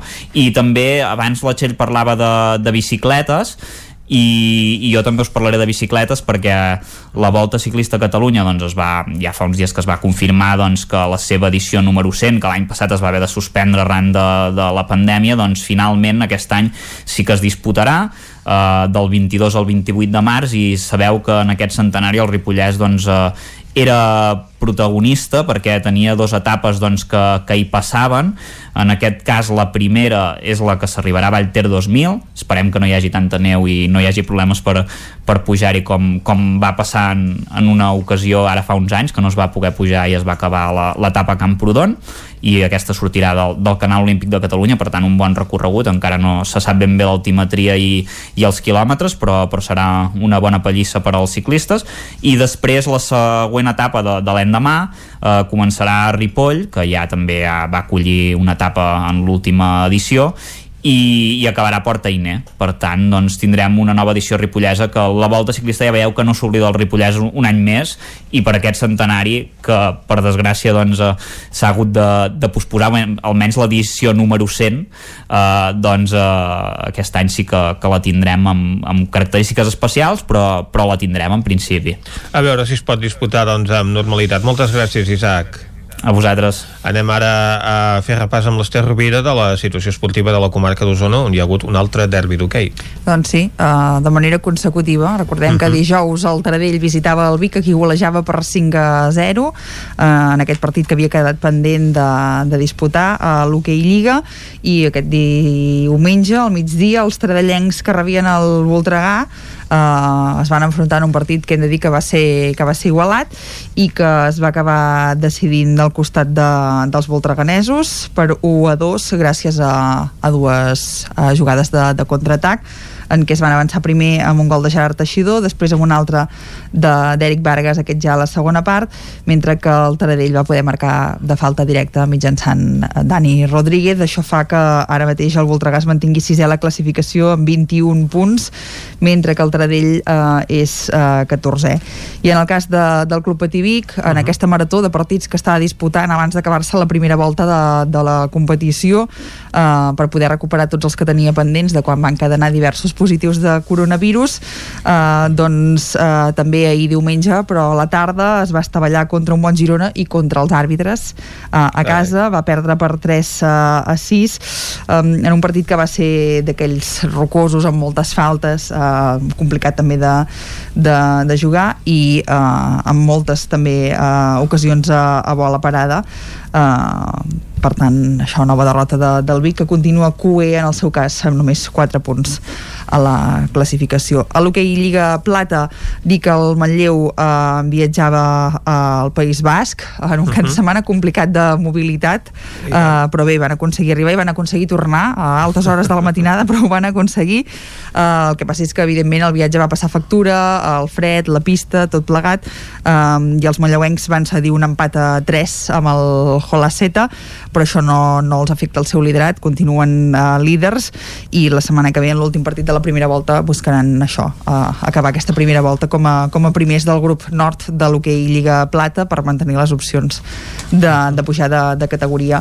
I en el cas de l'hoquei Lliga Femenina, els dos conjunts usonencs que no s'aturen, en el cas del Voltregà jugava a casa contra el Vigues i Riells, davant de qui es va assegurar el segon lloc del grup B de la competició. Recordem que aquest any hi ha una primera fase amb dos grups, uh -huh. uh, i això que dèiem, el Voltregà s'ha assegurat acabar com a segon del grup B, després de guanyar el Vigues per 6 a 3, que era el seu perseguidor a la competició i amb qui es disputava aquesta segona posició, perquè ja no atrapa el Palau, aquí té per davant amb 4 punts, quan només el queden, en queden 3 en joc per aquests dos uh -huh. conjunts, els altres els en queden dos, però el Palau i el Voltregà ja van jugar el seu enfrontament directe uh, i per tant doncs, només els en queden 3 en, en joc eh, partit eh, doncs, complet del, del Voltregà dissabte, malgrat algunes fases en què eh, les visitants es van posar 4-3 al marcador, però, però bé, amb una bona defensa i anar insistint de cara a gol doncs van poder eh, guanyar per, per 6 a 3 i en el cas del Manlleu també tenien un partit d'aquests que d'entrada era fàcil perquè és el Cuencas Mineres però també s'hi va sumar el desplaçament amb carretera en un cap de setmana complicat. El fred, les pistes que, que patinen li va costar una mica al Manlleu entrar i fins al minut 20 de la primera part no va poder fer els dos primers gols però després a la segona part doncs, va començar a agafar el seu rodatge habitual i em va acabar endossant 8 al Cuencas Minera 0-8, per tant eh, nova victòria del Manlleu que en el seu cas li permet eh, posar-se el líder del seu grup perquè tenia aquest partit eh, pendent i el Cerdanyola que era qui era primer eh, no va jugar, per tant les manlleuenques que s'han tornat a posar a posar líders. Um, en el cas del bàsquet també dir que el Club Bàsquet Vic tornava a la feina després de l'aturada de les festes per Nadal. També li va costar una mica uh, en aquest cas perquè feia tres setmanes que no jugaven. Les aturades sempre uh, solen passar factura després, però bé, tot i així un triomf important per començar l'any a la pista del Roser per 62 a 75 que el manté com a líder del seu grup, del C3 eh, amb 9 punts i 4 victòries i només una, una derrota, per tant les coses que també eh, continuen bé per al, per al Club Bàsquet Vic uh -huh. i acabem amb un apunt del, del Dakar sí. per destacar que Nani Roma es consolida el cinquè lloc de, de la prova en la categoria de, de cotxes uh -huh. Um, hem de dir que ahir va ser desè Uh, però sobretot el que li va anar molt bé va ser l'etapa de, de divendres abans de la de descans de, de dissabte en què va signar uh, una setena posició que el feia pujar fins a la cinquena a la general de, de cotxes on ara és a 1 hora i 59 minuts del líder de Stefan Peter Ancel. Uh, per tant en aquest nou projecte sí, en aquest nou projecte del Bahrain Extreme uh, Right o Right Extreme um, s'ha de dir que arribaven molt més justos que la resta perquè el cotxe doncs, sí que l'havien provat a, a Dubai però uh -huh. uh, just fa un mes en, enrere i per tant uh, menys rodats de, de proves al cotxe però s'ha de, de reconèixer doncs, que de mica en mica van trobant el seu punt, el cotxe també resisteix bé, no genera masses problemes i de mica en mica doncs, que van traient el cap allà davant Uh, en canvi hem de dir que uh, per exemple Marc Solà uh, biguetà, el pilot biguetà que feia de copilot del bugui de Santi Navarro uh -huh. de l'FN Speed va haver d'abandonar divendres després que s'incendiés el, el seu bugui a causa d'un problema elèctric bon ensurt sí, sí, sí, per sort no els va passar res però, però bé, en tot cas és un ensurt que se t'encengui el, el vehicle um, aquests problemes elèctrics que van tenir uh, també en va tenir d'un altre tipus però també elèctrics uh, Gerard uh -huh. Ferrer i que el van estar torturant bona part de la setmana i fins i tot li van fer perdre les opcions a la victòria en aquesta categoria de, de buguis.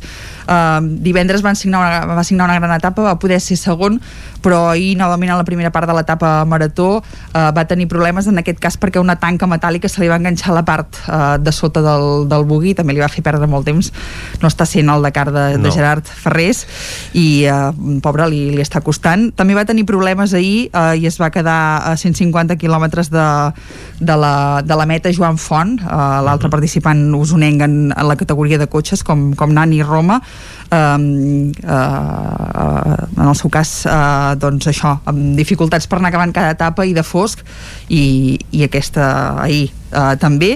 I per últim dir que Laia Sanz que, que és la pilot resident a Ceba i l'única participant en la categoria de, de motos ocupa el lloc 25 de la General després d'haver sigut eh, 25ena divendres i 30, eh, 34ena eh, ahir. Eh, per tant això, Nani Roma eh, que de tots els usonencs ara mateix és el, és el més ben posicionat a la I amb un escuder de luxe com és Sebastián Loeb, el multicampió del món de ral·lis que va parir una avaria i ara l'haurà d'ajudar en el que queda de cursa. Exacte. Moltes gràcies, Esther. Vagi bé.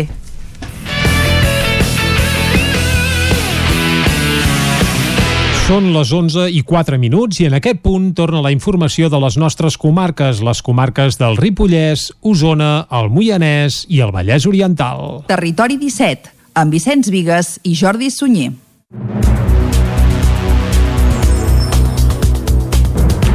L'Ajuntament de Ribes aprova un pressupost amb un accent social amb els vots de Junts per Ribes i Esquerra Republicana i l'abstenció de la CUP. Isaac Muntades, des de la veu de Sant Joan. L'Ajuntament de Ribes de Freser va aprovar en el darrer ple telemàtic un pressupost per l'any 2021 de 3,7 milions d'euros amb els 7 vots a favor de l'equip de govern de Junts per Ribes i un dels grups de l'oposició, tots fem Ribes Esquerra Republicana de Catalunya, mentre que els dos edils de la CUP es van abstenir. L'alcaldessa del municipi, Mònica Sant Jaume, va remarcar la vocació social dels comptes per la crisi sanitària i econòmica derivada de la Covid-19. Les entitats del municipi, que veuen augmentades les seves subvencions, la residència municipal i el Consorci de Benestar Social del Ripollès, són els grans beneficiats d'aquests pressupostos. En el cas del geriàtric i a petició de la CUP s'ha creat una partida de 8.000 euros per gratificar les treballadores pel seu esforç durant la pandèmia. També s'ha incrementat en 10.000 euros la partida pel Consorci de Benestar Social. Sant Jaume va explicar amb detall el quadre d'inversions que inclou una trentena d'actuacions. La quantitat prevista per l'any 2021 és de 248.000 eh, euros, que representa un 6,5% del total, i la consignada l'any 2020 era 676.000 euros, que representava un 16% del total, donant-se una disminució de 428.000 euros, que representava una disminució del 63% de despesa total de l'any 20. Això ve donat per la cancel·lació del préstec de la llei de bar. Durant l'exercici 2021, l'Ajuntament de Ribes té previst desenvolupar un ambiciós pla d'inversions amb dos objectius primordials. El primer és millorar les infraestructures municipals al servei de la ciutadania i el segon és reactivar l'activitat econòmica a Ribes. Sant Jaume va destacar la reforma de la façana del Casal de Cultura i de la plaça Bruguera, els pressupostos participatius amb un import de 25.000 euros al col·lector de Bruguera, diverses millores a la residència, la millora acústica i elèctrica del pavelló, del passeig de la Margarideta i les obres del carrer Fonderia. A més, va destacar el compromís mediambiental amb la campanya de sensibilització en matèria de residus impulsats pel consistori, tot i que l'alcaldessa va explicar que havien pogut congelar la taxa per l'augment de la recollida selectiva i la reducció de la tona de rebuig, han pagat 2.000 euros més. En aquest sentit, la CUP va lamentar que no s'hagués ampliat la partida de medi ambient de 6.000 a 10.000 euros. El porteu de la CUP, Àlex Medrano, va dir que caldria estudiar el model porta a porta. Medrano va detallar els punts positius i negatius dels comptes, tot destacant quines de les seves peticions van ser acceptades. De totes les nostres peticions se n'han acceptat dues, que són la de reconeixement econòmic a l'empresa Sumar, les treballadores, i la línia d'ajuts directes als autònoms. Les ajudes directes a dones maltractades, se'ns va dir que això directament ho gestiona el benestar social, per tant, com que s'ha augmentat la partida a 9.000 euros, ja ens donem per satisfets. La millora d'instal·lacions esportives proposades ens han dit que es durà a terme amb el romanent a partir del mes de març, si no m'equivoco, i l'increment de la partida de medi ambient no s'ha aprovat, tot i que s'ha mantingut a 6.000 euros, i tampoc s'ha aprovat la partida destinada a la gestió d'un local jove. Pel que fa al grup de Tots Fem Ribes, la regidora Sara Méndez va agrair que s'hagués acceptat la proposta dels republicans de desenvolupar la fibra òptica al poble amb una partida de 1.500 euros que es veurà modificada en funció del projecte. Això sí, va preguntar per què el servei de socorrisme de la piscina havia pujat fins als 11.000 euros. Sant Jaume va contestar-li que cada any augmenta, però que n'estan contents. Al ple també es va aprovar la plantilla de l'Ajuntament, que inclourà una nova plaça d'administratiu i un arquitecte tècnic amb una jornada del 60%. Aquest dilluns és el dia límit perquè els partits polítics presentin les llistes dels candidats a les eleccions al Parlament del 14 de febrer. Una vintena de candidats i candidates usonenques figuraran a les llistes a les eleccions al Parlament del 14 de febrer. La majoria tenen moltes opcions de continuar en la que serà la tretzena legislatura tal com s'estan configurant les candidatures que es poden presentar fins aquest dilluns. En el si de Junts per Catalunya Anna R serà la número 8 d'una llista que encapçalarà Carles Puigdemont de forma testimonial, ja que la candidata a la presidència serà Laura Borràs. A la 29a posició hi figura el secretari general de l'Esport, Gerard Figueres, actualment establert a Vic. Pep Puig ocupa el lloc 35 de la llista i és l'únic dels actuals diputats sense opcions a repetir. També figuren a la llista l'activista Carles Furriols, el número 73, l'alcalde de Balanyà, Carles Valls, el número 79, i la regidora de Vic, Susana Roura, com a suplent pel que fa a Esquerra Republicana, que és la llista que més recula pel que fa a representació usonenca respecte a l'any 2017, la més ben posicionada al lloc 24 és l'exalcaldessa de Viladrau, Margarida Feliu. L'activista Fina Campàs i l'alcaldessa del Pens, Montse Berniol, ocuparan els llocs 44 i 66, mentre que la bigatana Marta Rovira serà qui tancarà la llista des de l'exili. El Partit Socialista és l'altre partit amb més possibilitats de treure diputats. La manlleuenca Marta Moreta podria mantenir el seu escó per tercera vegada. L'any 2017 va ser dotzena i ara serà catorzena. Qui conserva la tercera posició a la llista és el biguetà Ramon Espadaler en virtut de la revalidació dels acords electorals amb Units per Avançar, del qual n'és secretari general. La regidora de Vic, Carme Atena, ocuparà el lloc 56. En Comú Podem tornarà confiar amb el biguetà Marc Parés, que ocuparà el número 7 de la llista encapçalada per Jèssica Albiach. També figuren noms usonencs a la llista del PDeCAT, és el cas de la santallenca Maria Àngel Subiracs i l'alcalde d'Oristà Marc Socarrats. Marta Pascal encapçalarà la llista del Partit Nacionalista de Catalunya, una formació que, com Junts per Catalunya, necessitarà l'aval d'almenys el 0,1% del cens per poder-se presentar. No es coneix encara la llista de la CUP, que per primera vegada encapçalarà l'exalcaldessa de Badalona, Dolors Sabater. L'exregidor de Vic per Tots, Arnau Martí, que es va quedar sense representació a les darreres eleccions municipals, creu que perquè les forces esquerres puguin fer el sorpasso a Junts per Catalunya a Vic, cal explorar la possibilitat de fer una candidatura unitària de progrés. Ho argumentava dijous en una entrevista al programa Anglobert del Nou TV. Ens trobem que les diferents formacions d'esquerres de la ciutat sumen més vots que el vot de la, en aquest cas de la dreta, de Junts per Catalunya del PDeCAT, però en canvi eh, al ser un vot més fragmentat doncs obté menys representació a nivell de regidors. I jo crec que el, en, en clau de ciutat, en clau d'intentar fer un canvi de progrés per la ciutat dels propers, els propers anys, jo crec que s'ha de pensar en una proposta que sigui més, més sòlida, més transversal, formacions que tinguin voluntat de govern, un canvi progressista de la ciutat, i que tinguin voluntat d'entendre'ns.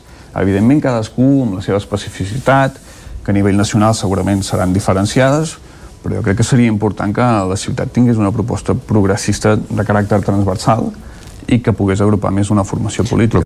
A l'entrevista, l'exregidor Bigatà va admetre que l'independentisme no ha perdut força malgrat l'abordatge judicial, tot i que assegura que l'estratègia independentista ha de canviar. Considera que Catalunya fa anys que arrossega situacions molt desfavorables que confronten a la població. Per això mateix considera que el canvi ha d'arribar de la mà de formacions progressistes amb més representació al Parlament.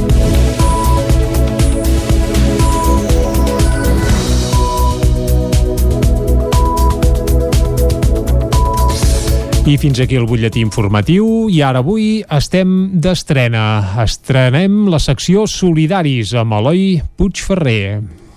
Dóna-li un peix a un home i tindrà aliment per un dia. Dóna-li una canya i ensenya-li com pescar i tindrà menjar per la resta de la seva vida.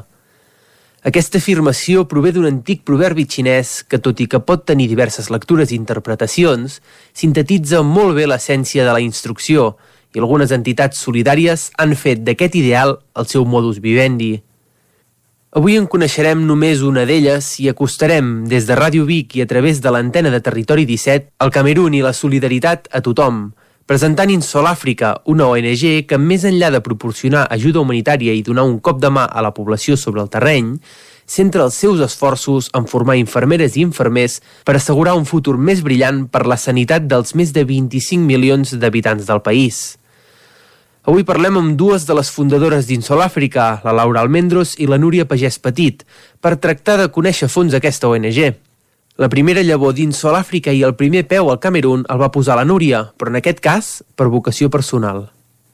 Vaig estudiar infermeria de gran i ja per fer cooperació, val? i llavors eh, vaig venir un mes jo pel meu compte a fer pràctiques, vaig anar al Col·legi d'Infermeria de Barcelona que em diguessin on podia anar a fer cooperació. I em van dir, doncs, aquí, a Camerún. I jo vaig agafar la maleta cap aquí. I va ser aquí que em va començar a sortir aquesta, aquesta idea i aquesta... perquè era quan vaig arribar al xoc, sola, en un hospital brut, porc, bueno, una cosa que veia la gent que tractava tan malament els malalts i, i, i una cosa em va saltar tant que vaig pensar que el més important era la formació, que les infermeres fossin infermeres, que les sentissin ser infermera perquè aquí les infermeres, ara ja hi ha més escoles i tot, però abans era com la gent, els nanos de 13-14 anys que van aprendre un ofici sense cap estudi i, i al final acabes operant. O sigui, és el que feien les infermeres aquí. Saps? S'anaven... I això és el que va sobtar. Llavors, quan vaig tornar, vaig començar doncs, a embolicar amb en Jordi, a embolicar la Laura, bueno, tota la gent, i, i mira, i aquí estem. Però la infermeria és molt més que només saber curar i tractar malalties, ja que el tracte humà és part fonamental de l'ofici, basant que de manera habitual estava descuidat al Camerún. Uh, també es fa molt èmfasis amb, amb la part humana no, de l'infermeria, que allà Exacte. és una cosa que a part dels coneixements ja hi ha moltes mancances.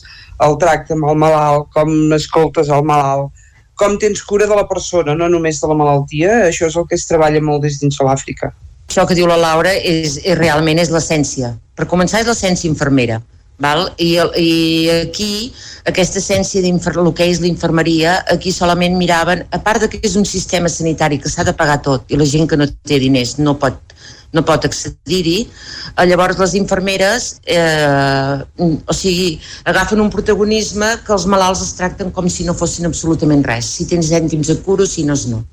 I, i, un, i una deixadesa i una manera de fer que, bueno, que hem, l'escola és una de les més importants ara d'aquí del Camerún perquè han vist aquesta part, no? que l'acolliment del malalt és del 50% i això fa, ens ha donat molt nom i les infermeres la veritat que es nota i és això el que estem lluitant i s'ha de lluitar dia a dia, dia a dia. Si dones formació a la gent és un... això es queda allà, no? És una feina que fem per, amb ells i per, i per ells, no? És una formació que després això reverteix en la població i que, que clar, no és una cosa que vas allà i és un bolet, no? que ho fas un dia i te'n vas, sinó que això és una cosa que queda. Enguany, l'Escola d'Infermeria ja encara la seva quarta promoció amb èxit i enmig d'una pandèmia, fet que, tot i la severitat amb la que afecta tot el món, passa pràcticament desapercebuda al país africà, on la sanitat ja es mostra precària i, sobretot, amb preocupacions més importants, tal com explica la Núria, que hi viu des de fa anys. Hi ha hospitals que són públics però que s'han de pagar perquè pagues a l'Estat i els privats. O sigui, els privats, eh, que nosaltres som privats però som dins d'una ONG amb labor humanitària. Però hi ha privats que, bueno, que ni nosaltres ens els podríem pagar perquè són caríssims, vale? els hospitals. I llavors l'altre és tot el mateix sistema de sempre, és el mateix. Ara falta això, ara falta allò. L'hospital d'aquí de Cribi el del districte, que és de l'Estat, doncs poder fa nou mesos que l'aparell d'anestèsia està espatllat i per operar doncs ho han de fer amb ketamina. Aquí el coronavirus la gent és com és una altra cosa més petita que la malària, és que la malària mata tanta gent, tanta sí. gent. I ara això sí que t'ho voldria dir, Eloi, i això vull dir-ho, que hi ha gent que em diu que no puc dir-ho, però jo sí que ho dic, que és que uh, una mica de malària a Europa aniria bé perquè sortiria la vacuna, saps? Perquè Només ha faltat que sortís el coronavirus d'aquests països rics, la vacuna ja la tenim. I la malària fa 40 i pico d'anys que l'estan buscant com el VIH i no hi ha pas totia, eh? Vull dir que, eh, a mi que em perdonin. Mira aquí, ara ha marxat un nen que va venir eh, 4 d'hemoglobina, li han tingut de fer una transfusió i ara amb 7 d'hemoglobina ja se'n va a casa. Vale? I tot per la malària. I aquí es moren la gent, però és que cada dia. Doncs el Covid no res, diuen que és una malaltia dels blancs i que s'espavilin. Ah. Sí, sí, és, és una més. Una més de tantes que hi ha, de la tuberculosi, de la malària, de, del sida, vull dir que és una més, no, no, en fan, uh, no en fan cas, diguem. I tot i que la medicina moderna ja forma part del dia a dia del país africà, projectes com el d'Insol Àfrica també han de coexistir amb la mentalitat d'una població que encara avui en dia creu en bruixots i en xamans. I conviure amb aquesta ideologia fa que els professionals de la sanitat, com la Laura i la Núria, se les hagin vist de tots colors.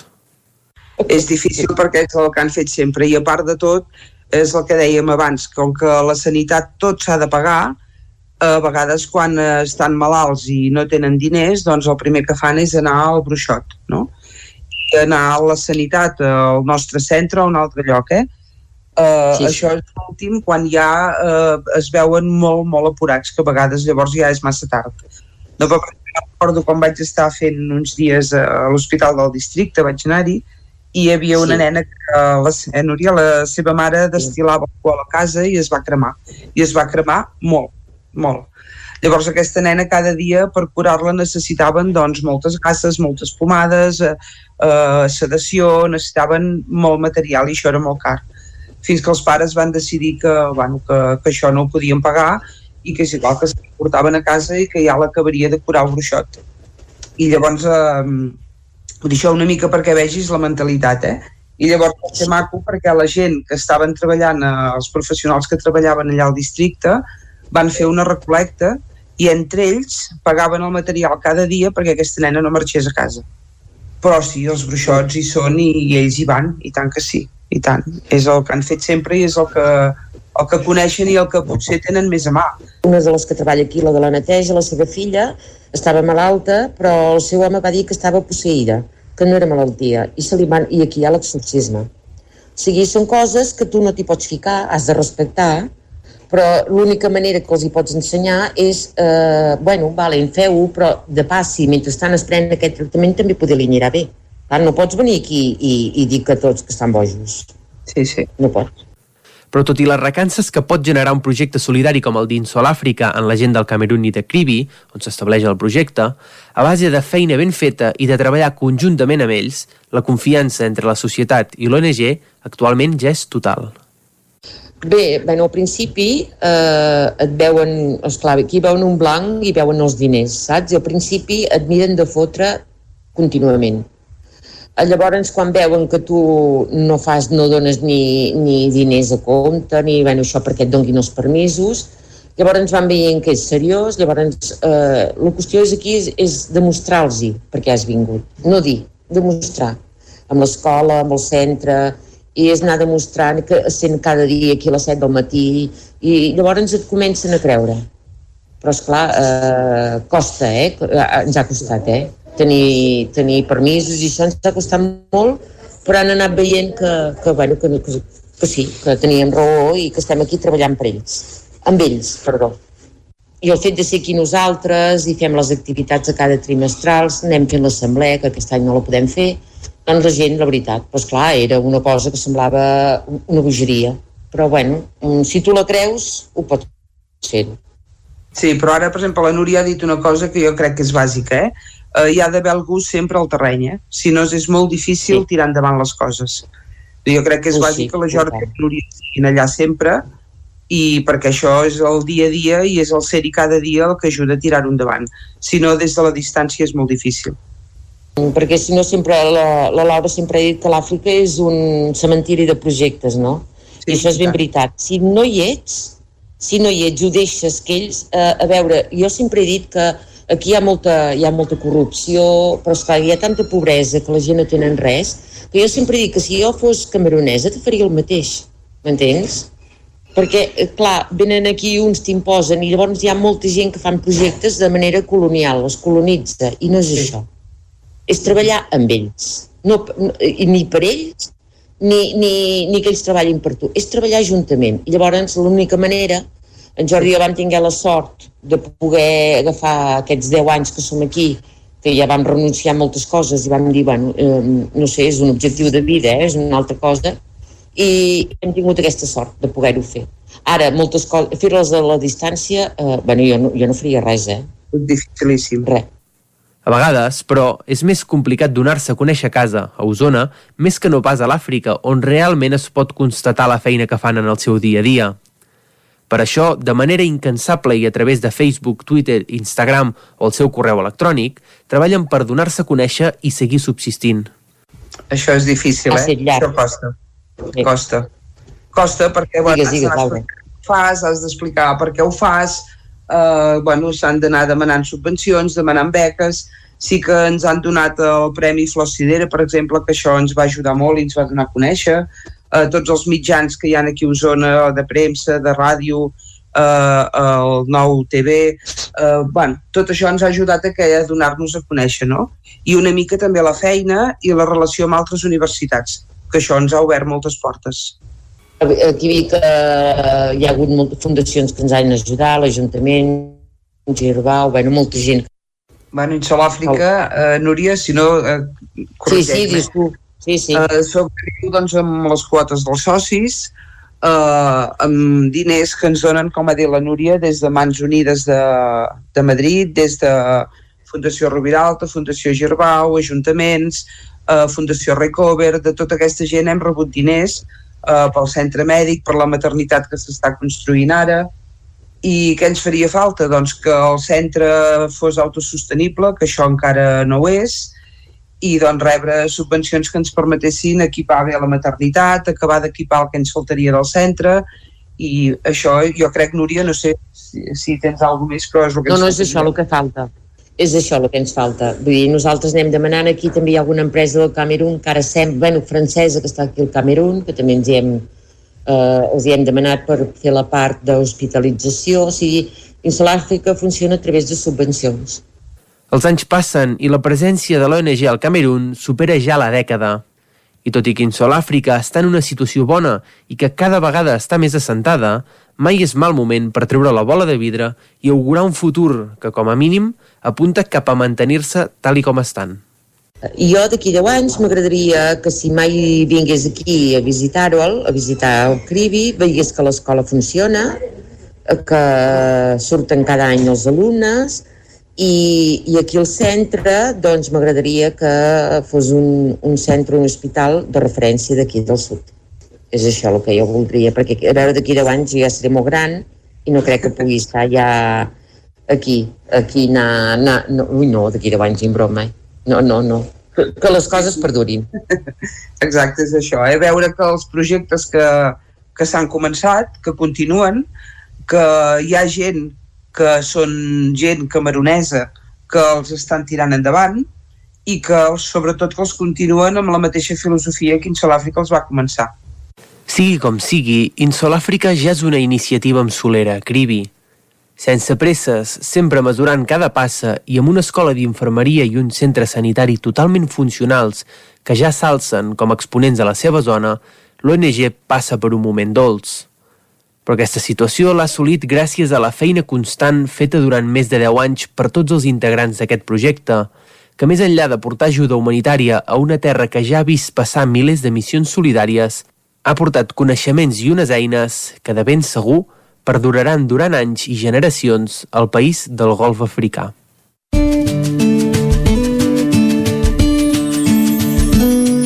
Solidaris, amb Eloi Puigferrer.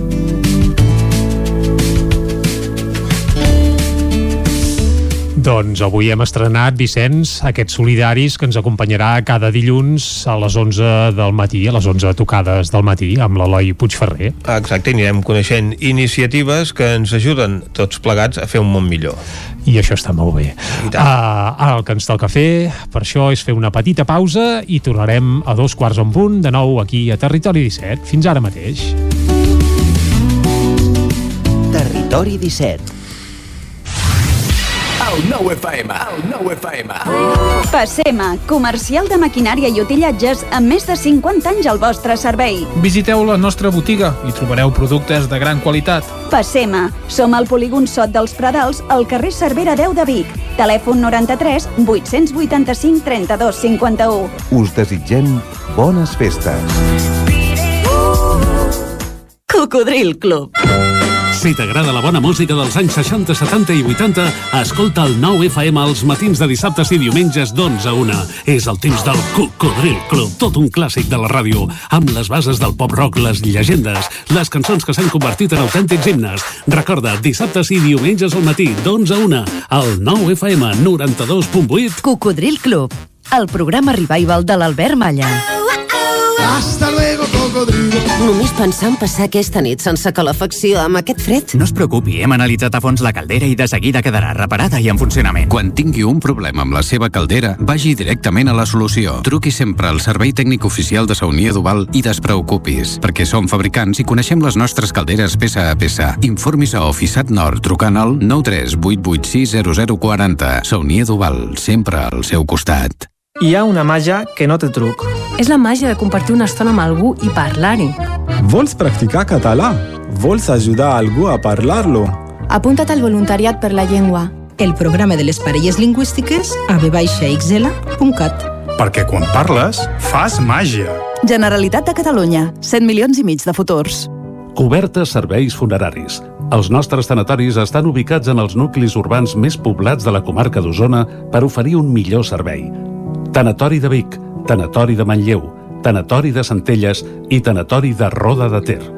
Sabem que són moments difícils i per això el nostre compromís és atendre-us en tot moment amb un tracte humà, sensible i respectuós.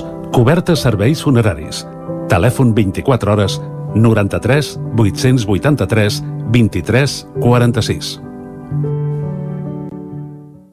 Anuncia't al 9FM. La màquina de casa. 9 3 8 8 9 4 9 4 9. Publicitat arroba al 9FM.cat. Anuncia't al 9FM.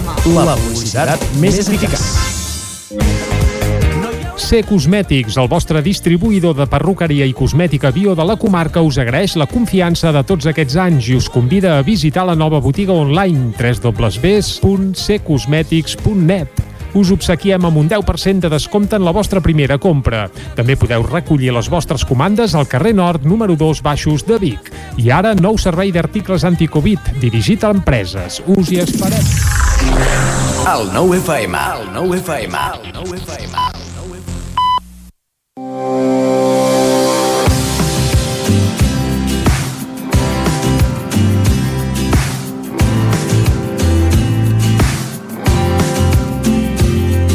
Avui al Descobrint Catalunya anem a descobrir Collsospina, una petita població de la comarca del Moianès de poc més de 300 habitants.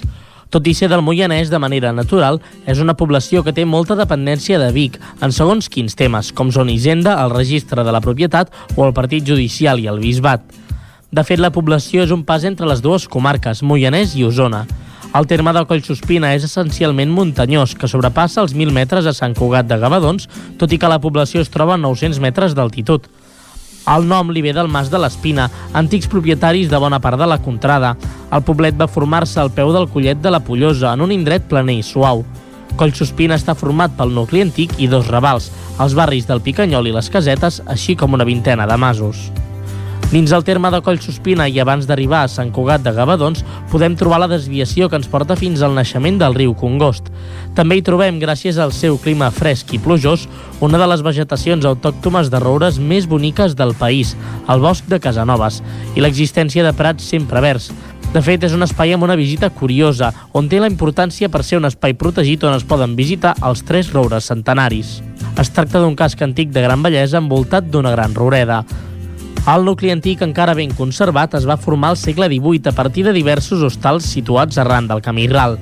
El poble de Collsospina es caracteritza pel seu casc antic d'una gran bellesa arquitectònica i destaquen l'església parroquial i Can Xerina, que va ser la primera casa del poble, que es va construir el 1550. Es tracta d'un gran casal gòtico renaixentista que actualment és un restaurant. L'església parroquial té per patrona Santa Maria dels Socors. Es va construir entre l'any 1592 i el 1600 com a capella. Al 1880 es van iniciar les obres d'ampliació de la façana i de la construcció de les capelles laterals. Va adquirir la categoria d'església parroquial el 1897 i va patir noves ampliacions l'any 1909. Encara manté íntegra la capella original amb els seus dos trams de voltes. En canvi, l'església de Sant Cugat de Gavadons es troba a mitja hora del poble. És un edifici romànic del segle XII, molt modificat als segles XVIII i XIX, amb l'afegit de dues capelles cobertes de nerviacions gòtiques. Té més de mil anys d'història. L'any 968 es cita per primera vegada l'església de Sant Cugat. A vegades també se la coneix amb el nom de Collsacima, però l'apel·latiu més constant és el de Gavadons. És un indret tranquil i meravellós. La silueta de l'església i els seus xiprers es retallen en un horitzó sense límits sobre el bonic cel de muntanya. El mirador de Sant Cugat de Gavadons, des d'on es pot contemplar la plana de Vic, el Montseny i els Pirineus Orientals, és una visita obligada.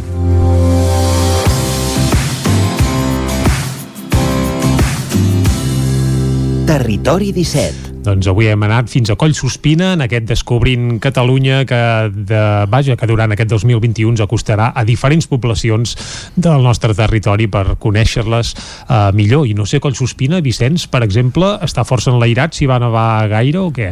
Doncs sí que va nevar, ja ens ho ha mm -hmm. explicat uh, avui el nostre company David Auladell, doncs, que està a 900 metres d'alçada al nucli urbà, tot i que hi ha punts per sobre dels 1.000 metres al terme municipal de Collsospina, on hi van arribar a caure 15 centímetres de neu aquest eh, cap de setmana en el temporal d'aquest dissabte. És el punt del Moianès on va nevar més. Doncs ja, estan d'enhorabona o no, ja han dit que contra gustos no hi ha res escrit, uh -huh. doncs a Coll Sospina que, que bé, que va nevar una mica, segurament encara queda algun raconet doncs per tant amb neu, si van caure 15 centímetres, però recordem que si no sou de Coll Sospina, de moment guardeu-vos la visita per un xic més endavant perquè estem en confinament municipal. Fet aquest apunt, anem ara a fer un vol amb tren, Vicenç? Anem-hi. Doncs anem cap a la R3. A Tren d'Alba.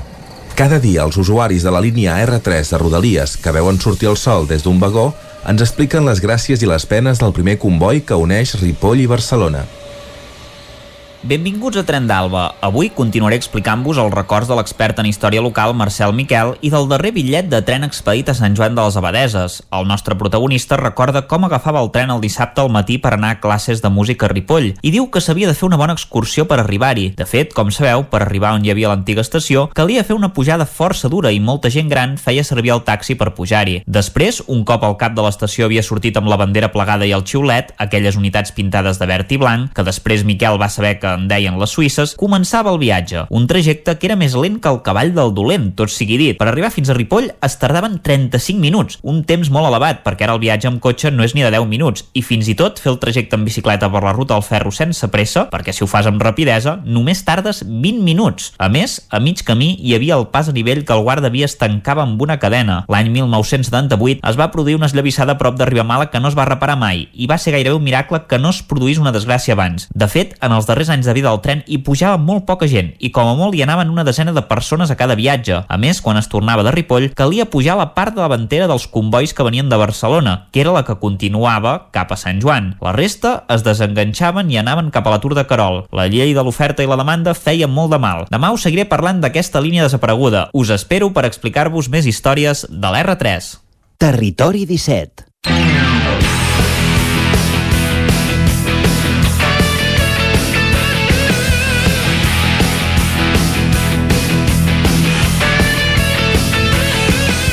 I deixem la R3. Aquests darrers dies estem explicant bé a racons de Sant Joan. Recordem que abans de Ripoll a Sant Joan de les Abadesses sí que hi havia tren i bé, per actuar actualment en l'antic recorregut hi passa la ruta del ferro, que es pot fer en bicicleta, però evidentment de trens ja no n'hi passa pas cap. O a peu. Però al peu, correcte, exacte. I l'Isaac Muntades doncs, ens recorda en aquesta secció algunes de les anècdotes, començant per exemple pels darrers bitllets que hi va haver en aquest aquesta, en aquesta línia i segur que encara ens n'esperen més, més aventures i més detalls, però ara, Vicenç, deixem ja els trens, no? Sí. Uh, sí. Agafem el tren de l'actualitat. Agafem el tren de l'actualitat esportiva del cap de setmana i ens situem a la primera divisió de futbol, també alguna ullada a la segona, perquè tenim els tertulians habituals i entre ells, uh, evidentment, també hi ha el Lluís de Planell, que ja el veiem aquí físicament Sí, al plató, uh, defensant els colors de l'Espanyol, que Tot continua cofoi. líder, eh? Em sembla. Perquè ja s'han convertit en campions d'hivern, Lluís. No, no, tothom ho pot dir, això. Eh? Algú s'ha donat per al·ludit. Amb aquest eh, riure de l'Isaac Muntades característic després d'aquest empat que ha tingut el Madrid aquest cap de setmana. Empat sota zero. Sí, uh, bueno, si voleu us en parlo, però és el partit que no s'hauria d'haver jugat. Ep. Perquè és un...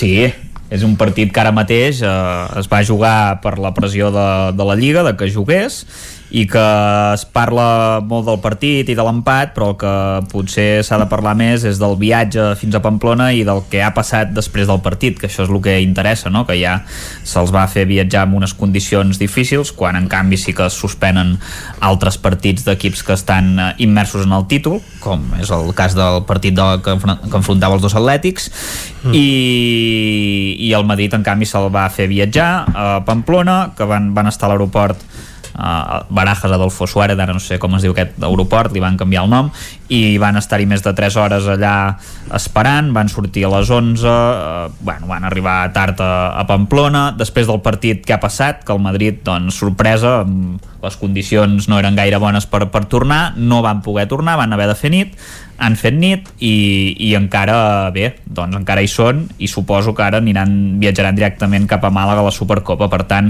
un equip que estarà cansat del viatge que en una situació complicada i que doncs adultera la, la competició clarament, uh, tant, a la Lliga, tant a la Lliga com a la Supercopa d'Espanya on evidentment el Madrid no és el favorit per, per guanyar-la i altres equips estan en millor forma i hauran de demostrar que són els favorits i si no serà un fracàs. Per nosaltres no, perquè ja la vam guanyar l'any passat que era el de l'estrena i si no la guanyéssim no passaria res. Altres equips sí que, que han de guanyar-la obligatòriament, si no doncs pot suposar un dalt a baix terrible per aquesta temporada. I això és tot, és que podria dir moltes coses, però va ser una estafa el que va passar, home. Home, no serà el primer partit de futbol que es juga sota uns flocs de neu. Quina, quina sí, però jo no em Perquè queixo, a més a eh? més s'ha de Jo- destacar que, que la gent Jo de no em queixo, Pamplona eh? van treballar moltíssim en tenir Sí. el camp en condicions i el camp doncs estava doncs, déu nhi amb el temps que estava Bueno. fent déu nhi com estava de, de ben cuidat aquell camp. Sense nevar el Sadar, jo crec que l'he vist en pitjors condicions uh, uh, i no fa pas gaire, eh? no cal pas a tirar 20 anys o 30 enrere uh, amb les últimes temporades. Tampoc els temps, he vist eh? El, el Sadar, no, però vull dir que en vídeo, amb, amb arxiu, vull dir que el, el Sadar a nivell de, de fang, d'humitat, de moll, jo crec que s'ha vist... nou, eh?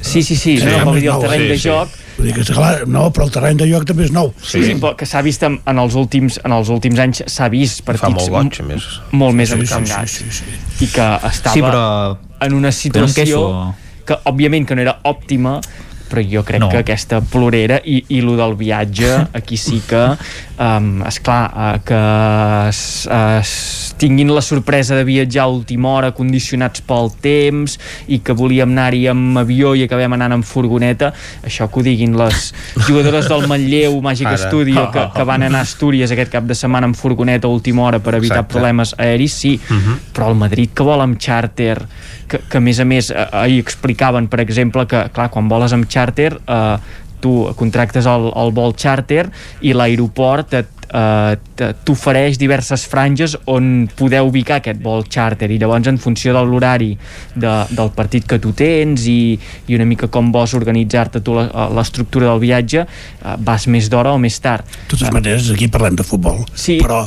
si parlem d'esport, ahir eh, eh, hi havia un equip basc de bàsquet que jugava a les 10 del vespre, no sé on, a Canàries, em penso. Eh, dimarts juga eh, a Turquia i dijous juga eh, a Grècia. I la pregunta és, ens hem tornat tots bojos en el món de l'esport o què, què passa aquí? què vols dir pels, desplaça, pels... És que, aviam, sisplau, uh -huh. Sí, sí. si no es pot acabar el campionat de Lliga, doncs no ho sé, ja, ja l'acabarem pel juliol, però vull dir... Sí, exacte, ja no ve d'aquí. Exacte, no, no, no fotem bestieses, com estem fent perquè semblava que jugar a Pamplona era, era una qüestió de vida o mort. Sí, ma, Sí, sí, sí, sí. Tema, però vull dir que amb la previsió també que hi havia de que hi haurien nevades importants, que hi hauria un temporal de neu, um, en el suposat cas que aquest partit doncs, es veiés la, no, no l'obligació, però que era important que es, es jugués, el Madrid podia haver uh, adelantat no? la, la seva hora de, de sortida i segurament no s'hagués trobat uh, els problemes que finalment es va trobar perquè el va enganxar enmig de Sí, la, no, no, de la no, nevada. però una cosa, eh? Però és que el Madrid va demanar jugar al migdia, eh? Per tant, si hagués jugat al migdia, hagués pogut sortir abans de que comencés la nevada a la tarda, Mhm. perquè la nevada va començar cap a les 6 de la tarda, allò fort, diguéssim, Mhm. val?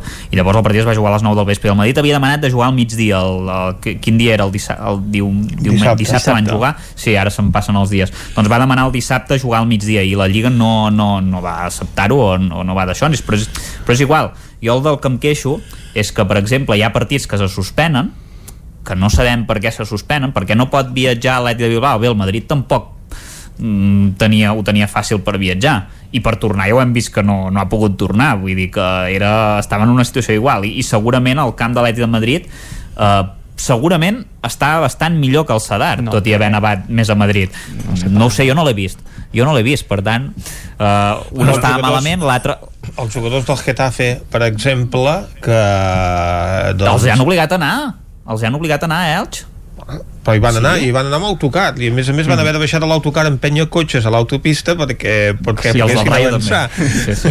Sí, sí és, és molt que- trist, però, però això és culpa del Tebas, que el, el que passa és que el calendari està tan comprimit que volen fer els partits el més ràpid possible per no tenir 50 partits penjats com és el que encara passa ara, perquè tenim aquestes setmanes es recuperen partits, ja ho sabeu, i clar, uh -huh. entre això, la Copa del Rei, la Champions, Supercopa i, aquesta. i la Supercopa aquesta que se l'han tret de la màniga, que és molt maca, eh? a mi m'agrada molt, eh? el format, però, ostres, potser, no sé, masses partits, potser s'ha d'eliminar alguna cosa. Aquest any potser s'hauria d'haver, potser sabent, o aquest format de la Supercopa potser sí que aquesta temporada, tal com estan anant les coses doncs es podria haver reformulat O no maneres- haver-se fet. Però, perdoneu, No però és que això són calés, vull dir que no, sí. no, no és Sí, competició esportiva, eh?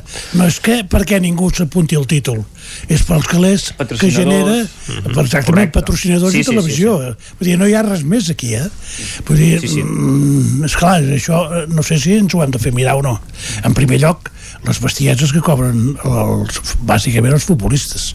Ja no dic els esportistes de professionals amb altres modalitats, però sobretot els futbolistes. Vull dir, potser hauríem de començar a racionalitzar les coses. No? I exactament, i que eh, ja no hi haguessin clubs que tinguessin pressupost de prop de mil milions d'euros i que la, la cosa fos això més racional, que la gent es pogués guanyar la vida. Ja sabem que eh, aquest eh, és una eh, professió curta que, que, que, que s'acaba de seguida i que has de tenir previsió, però, però aviam... Però això no és culpa dels clubs que tenen pressupostos de mil milions d'euros, sinó del propi sistema de les federacions, que a més a més estan interessades en fer partits a les seves seleccions, i és una mica el mateix Sí, sí. que passa amb el tennis amb l'ATP que els jugadors del capdavant del rànquing estan obligats a participar en un determinat participar. número de tornejos, encara que això els, els comporti doncs, Sí, un sí. desgast físic que també condiciona el seu rendiment en les competicions i la durada de la seva vida esportiva. Cada cop veiem doncs, més lesions de llarga durada en els tenistes del nivell. No, i, I a més jo entenc que un, un esportista és igual de la modalitat, un esportista eh, eh, assegut eh, 3 hores en un avió, segur que no li fa cap bé eh, per, per, la, per desenvolupar la seva feina. Quan es posa a treballar eh, aquestes, aquestes males condicions que, ha- que ha patit la, segur que, que se, n'ha de, de ressentir. I no justifico en, en cap moment a ningú sinó que critico el sistema i no solament he posat l'exemple del bàsquet, no solament en el futbol Sí. sinó en tot l'esport professional que va eh, perquè les cases d'apostes doncs necessiten que hi hagi espectacle perquè la, la, la gent hi aboqui diners, els patrocinadors per, per, per la propaganda que, que hi tenen i en, en definitiva aquí el que és menys important és el públic que ja no va als camps perquè no hi pot anar i, i el, més, el menys important és diguem la competició purament esportiva com l'en teníem fa 20 anys Sí, no, però això és, és fruit del, del sistema, no? Aquí hauríem de- d'anar fins i tot un, un punt de vista més, més amunt i, i de tot el sistema que s'està generant i d'aquesta americanització de, de l'esport. Jo crec que tot això és importació d'aquest eh, sistema d'explotació econòmica que ha anat desenvolupant mm. sobretot els esports americans, digue-li NBA, digue-li uh, l'NFL...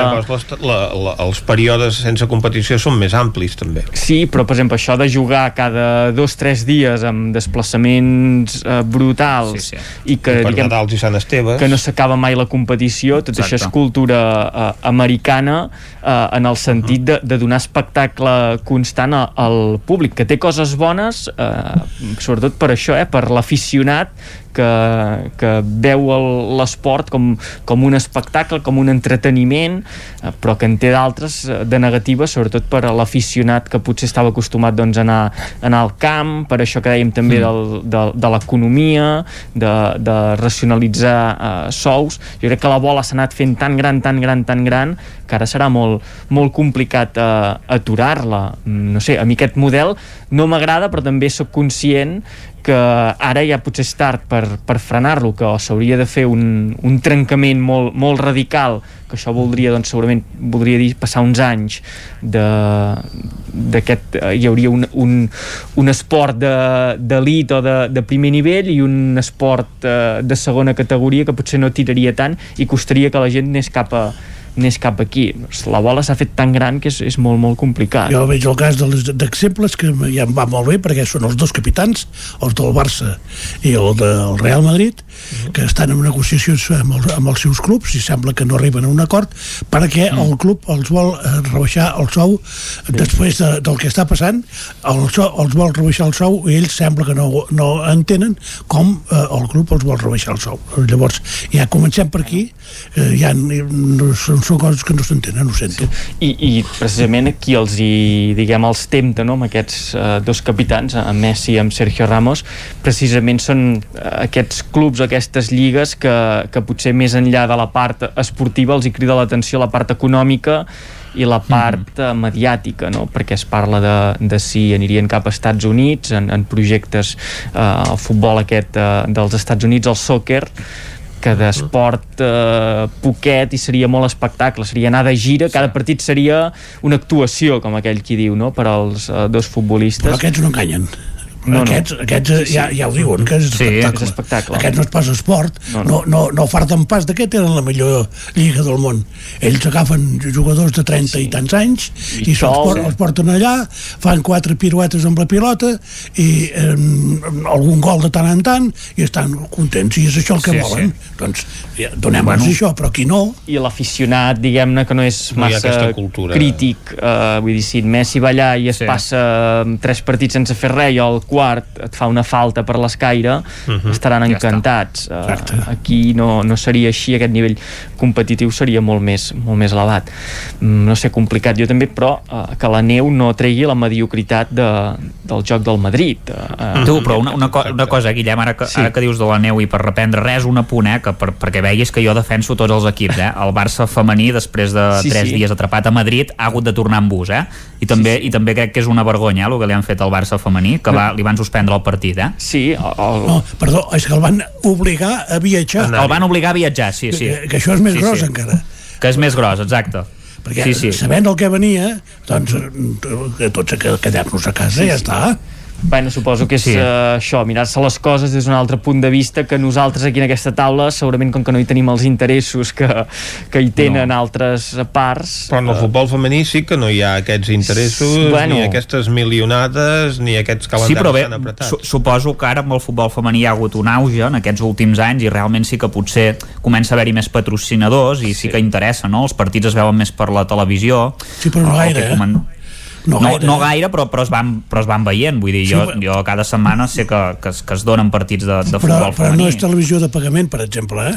Sempre, el futbol no, no, femení n'hi ha, sempre ho fan a n'hi ha obert, alguns que eh? són amb obert, sí, sí, correcte, correcte. Llavors, sí, vull sí, dir, sí, demostra que de moment Sí. el, el, el futbol femení té una importància relativa, perquè si, ho Però- veus, però si el veus per Sí. Esport 3, mm, vol dir que...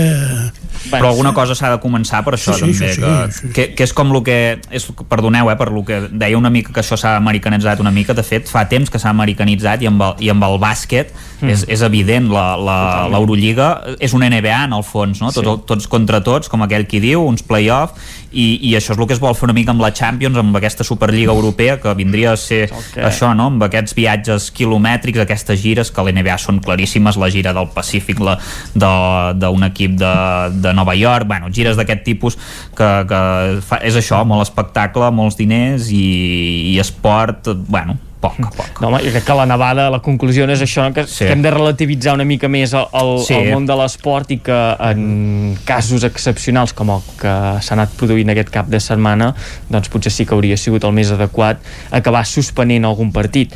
No s'han suspès, jo crec que uh, no haver-se mm. suspès partits, qui menys hauria de plorar, però és el Madrid, que sí que té les condicions, que dins la dificultat del moment té les condicions per, Sí. Per organitzar viatges, per viatjar en comoditat. Ara si van directament cap a, cap a Andalusia a, a, a preparar la, la Supercopa, segur que ho faran amb unes condicions excel·lents. Benzema conduir, conduirà l'autobús, penso jo. Que es podria ser un... Unes horetes, no? Que. De totes maneres, ja també hi ha incongruències. Ahir a les Sí, sí. Palmes va jugar a, a Mallorca. Mhm. Doncs Sí. tenien problemes perquè havien d'arribar per Madrid. Clar, Madrid, Aquest és l'altre problema. a Madrid tancat. Clar, so, algú Madrid se tancat. li va ocórrer dir home, que fem un bon xàrter i anem de dret a Mallorca. Sí. I això t- t- has hagut d'estudiar molt per, per veure que el, el camí més fàcil era aquest. Bueno, i la centralització de l'Estat, no? També. tot, clar, el transport aeri de l'estat espanyol tot passa per Madrid, vulguis o no, aquest gran aeroport en què s'han invertit ingents quantitats de diners i Sí. llavors resulta que passa el que no havia de passar mai, que queda tancat per una nevada. I el, el tren Sí. d'alta velocitat segurament també devem Transports, estar el mateix. amb el mateix, que la majoria de, de uh, vincles entre el nord i el sud, entre l'est Sí. i l'oest de, de la península, tots han de passar per, per Madrid pràcticament i, Mhm. i està, està De totes tallat. maneres, vaig veure una estona al Sevilla Real Societat Mhm. i, esclar, mm. tenien enveja d'aquells de Sevilla que feia un Sí, sol, hòstia, un quin sol temps, ja. brillant, Sí, allà sí. tot sec i tot això i, i esclar, eh, Era maco. La, sí, molt maco però la resta de la península ha fet una merda Bueno, això és Sí, sí. canvi climàtic, no? Que, que ja no, Per no, cert, no podem parlar no- de futur, sinó de present.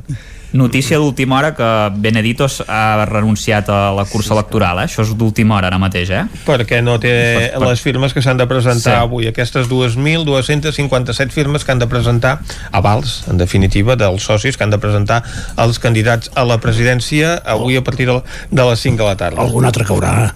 Evidentment. No, sí, l'Alà, sí. aquell, en, com es diu, Fernández Alà també ha dit que, que això molt, molt complicat. I en Ferrer? Eh, en Ferrer deia que estava pendent de les que li arribessin del territori, però segurament si no les té ja, diguem, eh, tancades eh, també serà complicat i sí que crec que eh, la Porta i Font sí que ja Mm. les tenien i llavors quedaven Rousseau i Freixa que les Freixa diu tenien que les té. Sí, però que faltava aquell, el tràmit de validar-les perquè deuen anar potser una mica justets i que no en caiguin. Sí. Jo crec que això serà un cara a cara font la porta uh, finalment.